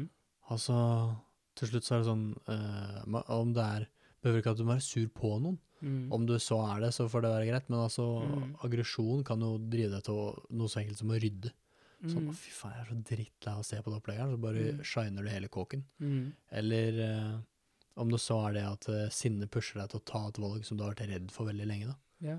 Eh, men jeg tror bare det er veldig mange av oss menn som Ja, hva skal man si da? Ikke har um, Ja, rett og slett ikke har blitt fortalt, ikke veit. Det er ingen som egentlig jeg, I hvert fall føler jeg det veldig sjøl. Det har vært min erfaring at det, det sjøl om jeg er oppvokst mye med en mor som er veldig omsorgsfull, og Mm. typisk eh, veldig mye åpenhet i det feminine miljøet, da, men Mm. det er liksom ingen som er sånn Åssen dealer dealer du med følelsene dine? da? Mm. Eller bare stå OK, du er lei deg. Greit. Mm. Det, er, det er greit å være lei Mm. seg. Og også sånn Det er også greit å være sinna. Mm. Og det er greit å være usikker. Det er greit å være nervøs, for det, som menn så Om det stemmer eller ikke, men jeg føler at det er sånn Som mann så har du det presset på deg til å være han bautaen alltid, som vi prata om i stad. Mm. Du skal også stille opp. Du skal Mm. ikke la noe Altså, Hva er det for noe? Ryste ved funda fundamentet? Mm. Uh, ja, Mm. sikkert. Um, men det er liksom ingenting som skal råke ved deg som person. Mm. Du skal alltid være trygg. Mm. Og da er det vanskelig, tror jeg også, at eh, når du på en måte blir pålagt av at du skal være trygg, du skal være stødig, du skal Mm. kontrollere krisesituasjoner, eksempel, Mm. så er det sånn Blir du usikker og frustrert og føler at du ikke får til noe, så er det på en måte enten Føler jeg ofte at det går til tristhet, og at man bryter litt sammen og blir lei seg, liksom. Mm. Eller så må man gutse på med aggresjon for å pushe seg gjennom det, liksom. Mm. Og da blir det til et uh, sinne som egentlig ikke er så konstruktivt alltid. Mm. Uh, ja. Nå var det sikkert et poeng inni der et sted, men det er glemt. Igjen. Nei, men det er et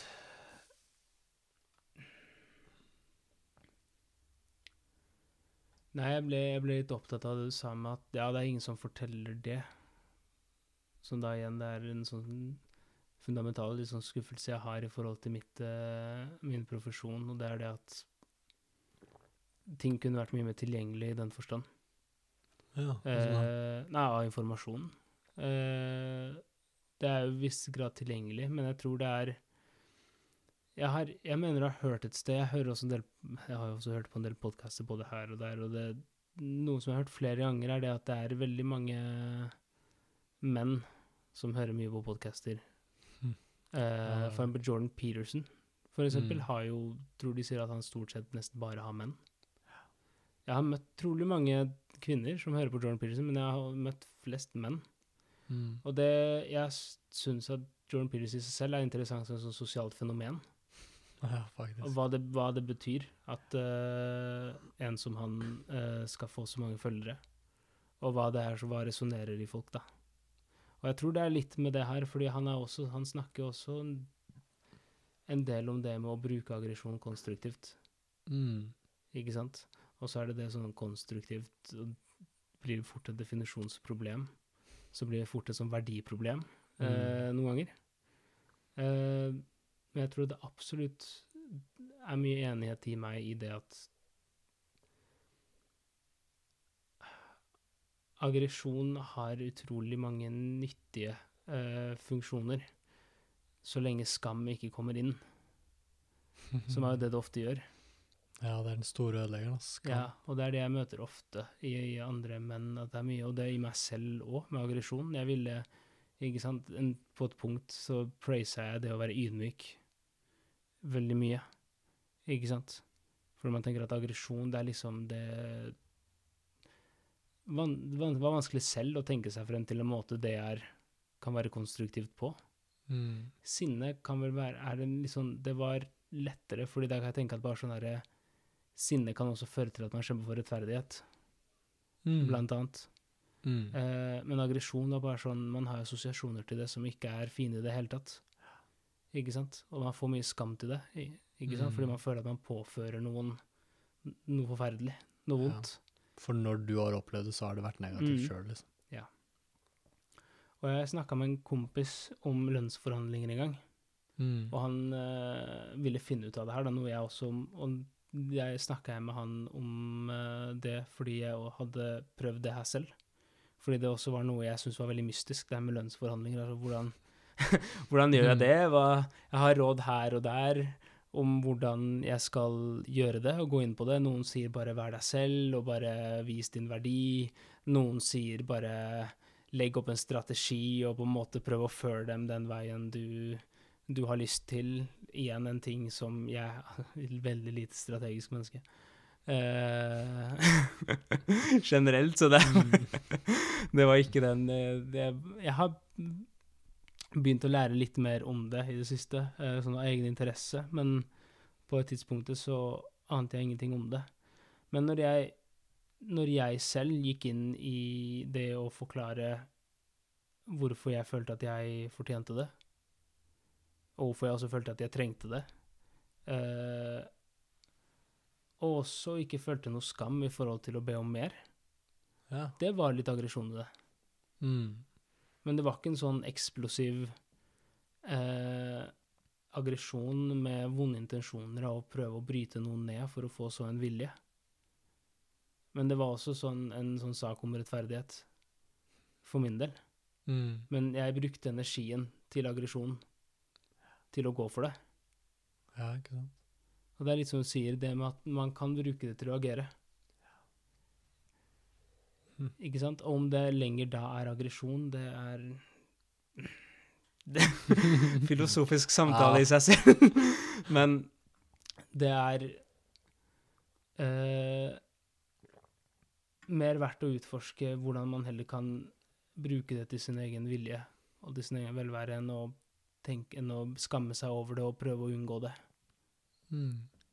tenker jeg. Det høres veldig lurt ut.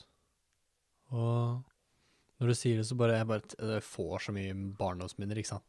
Mm. Nå begynner jeg å se Det er det som er veldig interessant med denne podkasten her, da. Mm. som er sånn, særlig i sånne samtaler som nå, at uh, man får fort et nytt perspektiv på gamle minner. Da. Mm. For minner er jo liksom en veldig veldig upålitelig kilde mm, av mm. informasjon, egentlig. Mm. For med en gang du farger det med noe annet, så er det sånn Å ja, for faen, det er sånn det var, ja. Mm. Og jeg har nok vært mye Jeg har nok vært mye redd for sinne. Mm. Og sånn som du sier eh, På en måte Ja, heller prøvd å være ydmyk. Mm. Prøvd å være liksom nesten Det gikk til et punkt hvor jeg på en måte så ned på sinne. Mm. Og var sånn Å, blir du sur, du? Mm. Her er det bare idioter som blir sure, liksom. Mm. Men så er det sånn Når du sier det nå, så innser jeg at faen, ass. Jeg har vært redd for den følelsen i barndommen og egentlig mye av livet mitt fordi eh, jeg har ikke likt det når folk har vært sure Mm. i nærheten av meg eller på meg. Mm. Men innser det at eh, Særlig nå som jeg har blitt lærlingansvarlig på jobb. Mm. Og han eh, sto Han er jo ikke lærling lenger, ikke sant. Men eh, Mm. i den perioden hvor han ja, Hvor vi hadde et par nye ansatte, og en av dem var lærling. Mm. Og det er sånn eh, Når du jobber på et sagbruk, så er det visse ting som du faktisk må kunne. En ting er sånn, ja, vi skal levere produkter av en høy kvalitet, liksom. Det er Mm. det vi må drive med siden vi er så små. Men sånn som det å eh, Det siste som bare er ferskest til minne, da. Mm. Det er det med å liksom ikke ha musikk på full trøkk i øra på innsida av hørselvernet.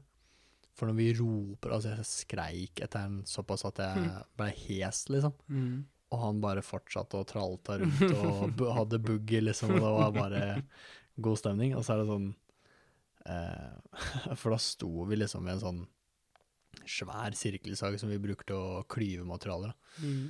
Eh, og du, du skal ikke gjøre så veldig mye feil rundt det sagbladet før du mister eh, noe.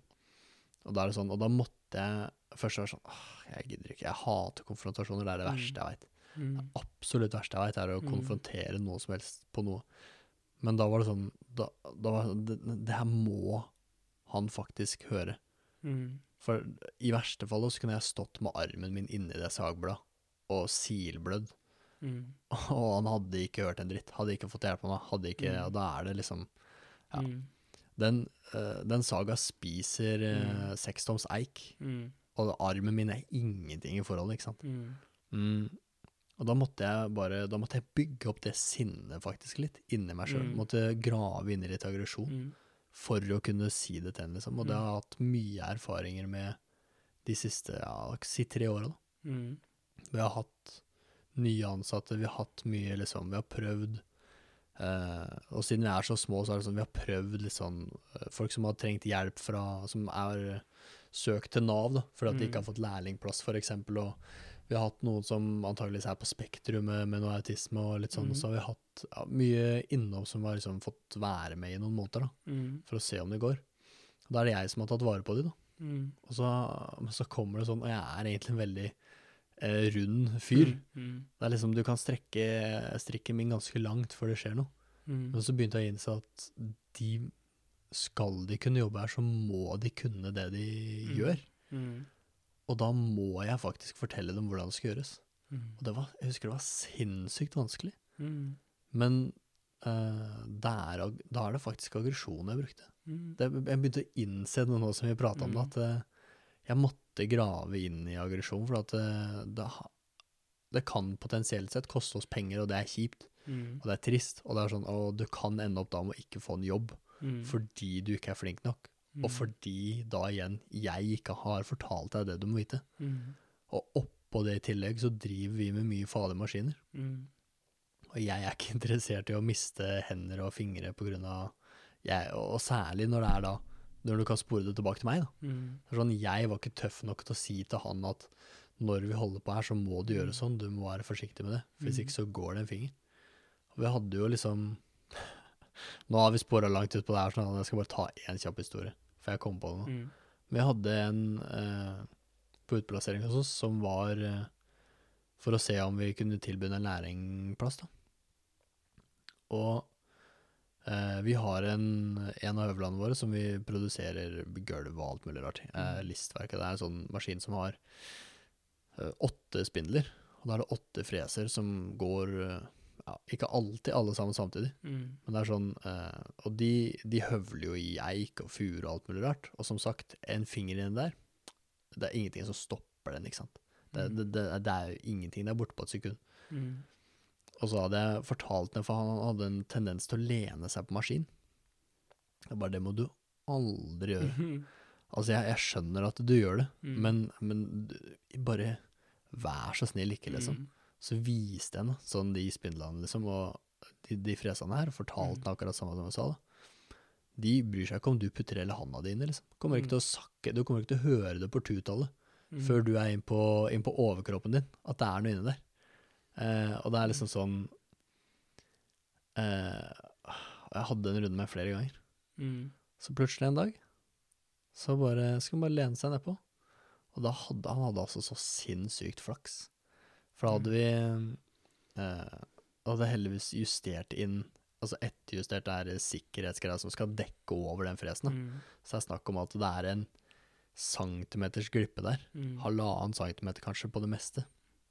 Som det er rom rett inn til den fresen. Mm. Og han lente seg da ned på den sikkerhetsgreia, ikke sant. Og så sklei lillefingeren og ringefingeren innafor. Og bare på den pureste hell Mm. hadde han på seg hansker da. Mm. Så den fresa vekk hansken, og så spiste den kanskje en millimeter av fingeren bare. Og det, er sånn, det er nesten som om du hadde, hvis du hadde sklidd på asfalten da, og dratt Mm. handa. Så det er, liksom, det, det er ikke noe big deal. Mm. Men det, det er sånne ting som Som kunne ha vært retta Eller sånn Man veit jo aldri hva han ville gjort eller ikke, da. Mm. Men det, det er da jeg virkelig, når det skjedde, Mm. så er det sånn Fader, jeg trodde For jeg, hadde, jeg var kompis med henne, ikke sant. Jeg Mm. ville at han skulle ha det bra. Mm. Så hadde jeg sagt alt det her sånn på sånn kompismåte og liksom prøvd å bare forklare det, da. Ikke Mm. være noe hissig, ikke være en sånn derre besserwisser eller en Mm. av de der gamle gutta som er sånn 'Dette her må du faen meg gjøre, nå skal du høre på hva jeg sier'. Men da bare jeg fortalte noe som om han og jeg var kompiser. Sånn, Mm. det er skummelt å putte henda her, ikke len deg på øveren. Mm.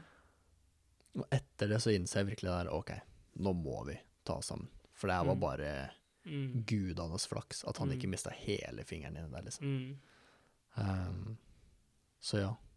Uh, aggresjon er ikke alltid dårlig. Men det er vanskelig å finne en produktiv måte å gjøre det på, syns jeg. Og det er eh, litt det her med å være i kontakt med hva det er som Hvor aggresjonen kommer fra. Ikke sant? Når jeg sier til liksom Alle aggresjonene jeg hadde som Som liten og som ung Uh, Det var Det kommer jo fra et sted av å ikke føle seg eh, ikke føle at man får erkjennelse og ikke blir akseptert og ikke eh, blir ønsket. Eh, misforstått, ikke sant? Som da skaper en aggresjon mot at man Det er jo forskjellige måter å reagere på det her, for for min del så var jo det da å, å tenke at bare sånn Nei, det er noe fundamentalt galt med dere, ikke Mm. sant? Det er alle andres skyld. Ja, og da den aggresjonen bygger seg opp i dems retning Mm. fra mine behov som ikke blir møtt, eh, kontra det som du snakker om nå, at det at man bruker aggresjon for å en, prøve å unngå en sånn eh, Altså, man kan jo miste mer enn bare hånda. Jeg jobba i industrien selv, jeg jobber med lufttrykk og har sett ting gå veldig gærent. Mm. Eh, men også det med å for eksempel bare kjempe for rettferdighet. Ja. Ikke sant? Og ens egen rettferdighet. Rettferdighet for eh, folk man er glad i. Om man, det ligger i ens verdier, rettferdighet for når man ser at rettferdighet, at urettferdighet blir praktisert foran en, og man ønsker å komme i veien for det. Eh, så er det da et verktøy, men da har man i hvert fall noen verdier som er også linka til det, tenker jeg. Og da setter det en intensjon. Som, og da har man en rød tråd på hvor det kommer fra. Og det er nok det som er kjempevanskelig å komme i kontakt med, og det er det som er vanskelig jeg, å, bare- å stole på. Ikke sant?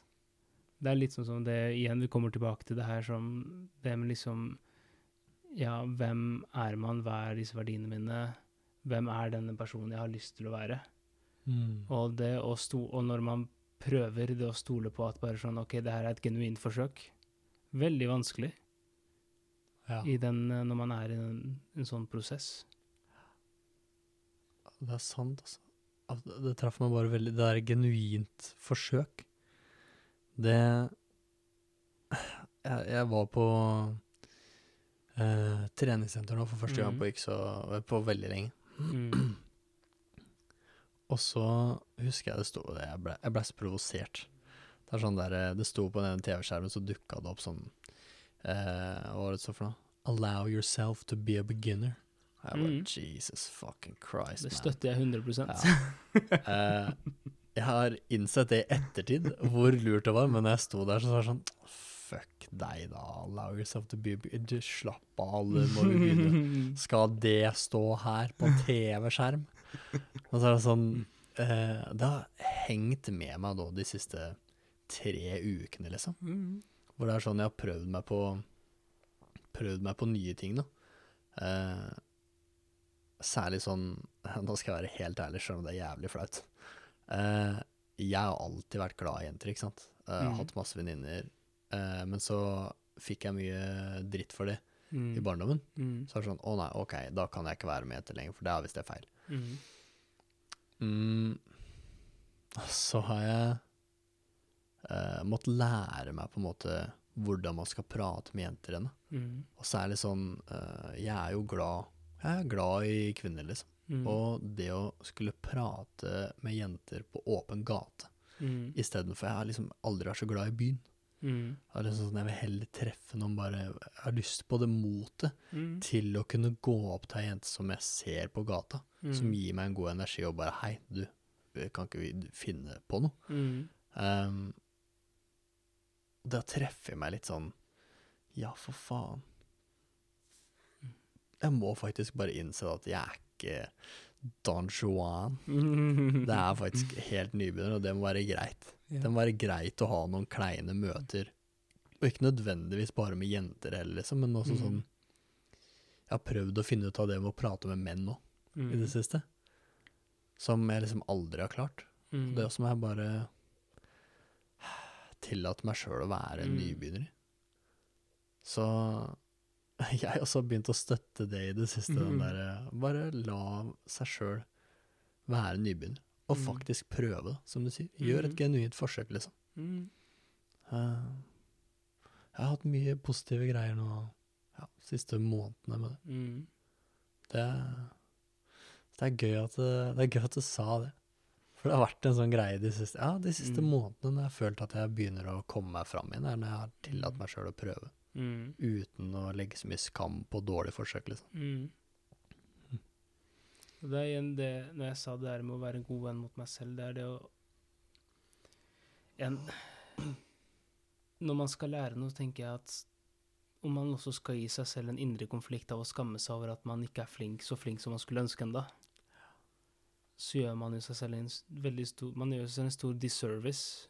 Jeg vet ikke hvilket ord jeg kan bruke på norsk. Jeg er så vant til å bruke ord på norsk. Eh, engelsk. Eh, utjeneste?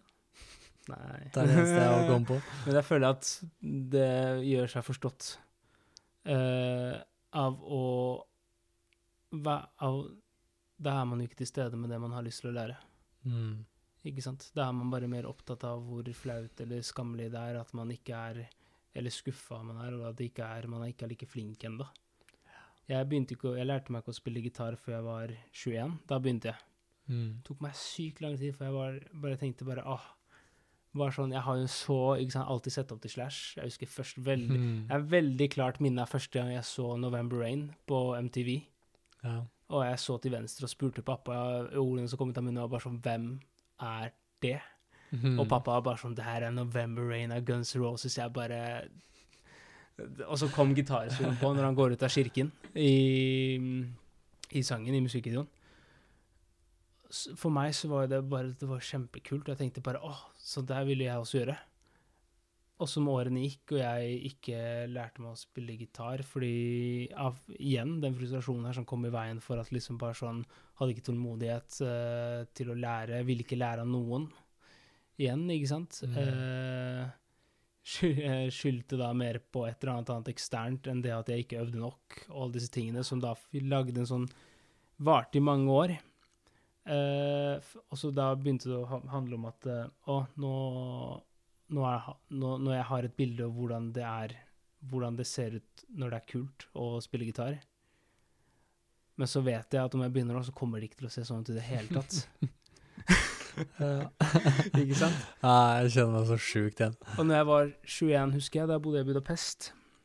Og da begynte jeg å tenke på da, Og da flytta jeg med Maria, og hun hadde med seg bongotrommer fra Afrika som hun hadde kjøpt der, og gitaren sin, og hadde keyboard. Og da tenkte jeg bare Jeg ble dritinspirert, så jeg tenkte nå Nå har jeg ikke noe å tape. Nå har jeg nettopp gått gjennom alt det her med å lære meg å studere og lære meg å jobbe. Mm. Eh, og lære meg å gå for mål og ting jeg brenner for. Mm. Så nå har jeg allerede gjort det. Nå er jeg, er, er allerede i det. Så da dro jeg, dro og kjøpte en gitar, og så bare begynte jeg. Mm. Ehm, og Men det var veldig interessant å se tilbake på hvor mye den indre konflikten min hadde kommet i veien for at jeg skulle lære ting, og det å tørre å spørre om hjelp. Ja, ikke sant. Fordi det er det å komme i veien for seg selv. Og det syns jeg er veldig vanskelig. Det var en veldig vanskelig ting å lære. Mm. Eh, å spørre om hjelp. Mm. Ikke sant? Igjen. Eh, det, for min del så handlet ikke det om at jeg ville klare noe selv. Fordi jeg var veldig klar over ting jeg ikke kunne få til selv. Men det handlet mer om at bare sånn eh, Jeg har ikke lyst til å vise den sårbarheten. Mm. Om at du kan lære meg noe jeg ikke kan. Ikke sant? Fordi jeg var jo i krig med verden, ikke sant. Så det er bare sånn det Ja, ja. Og ingen av de kan noe jeg Ja, ikke ja, kan. ja, Ja, ja, så ikke sant? Ehm, så det å komme over det og tillate meg selv å få hjelp, Mm. uh, som da gjorde det at da Det å gjøre sånne genuine forsøk som vi snakker om, føltes helt annerledes. Helt annerledes når man gjør det med andre, og når man får hjelp, og når man er flere om det, Mm. og når man har igjen sparrepartner i venner. Du, Thomas. Eh, jeg ser da at klokka begynner å bli veldig mye. Uh, holdt på en liten stund, da. Mm. Uh, og så syns jeg det er et veldig fint sted å ta det på. Mm. Det å faktisk tillate seg sjøl å prøve, og særlig som du sier, med å tillate seg sjøl å få hjelp. Mm.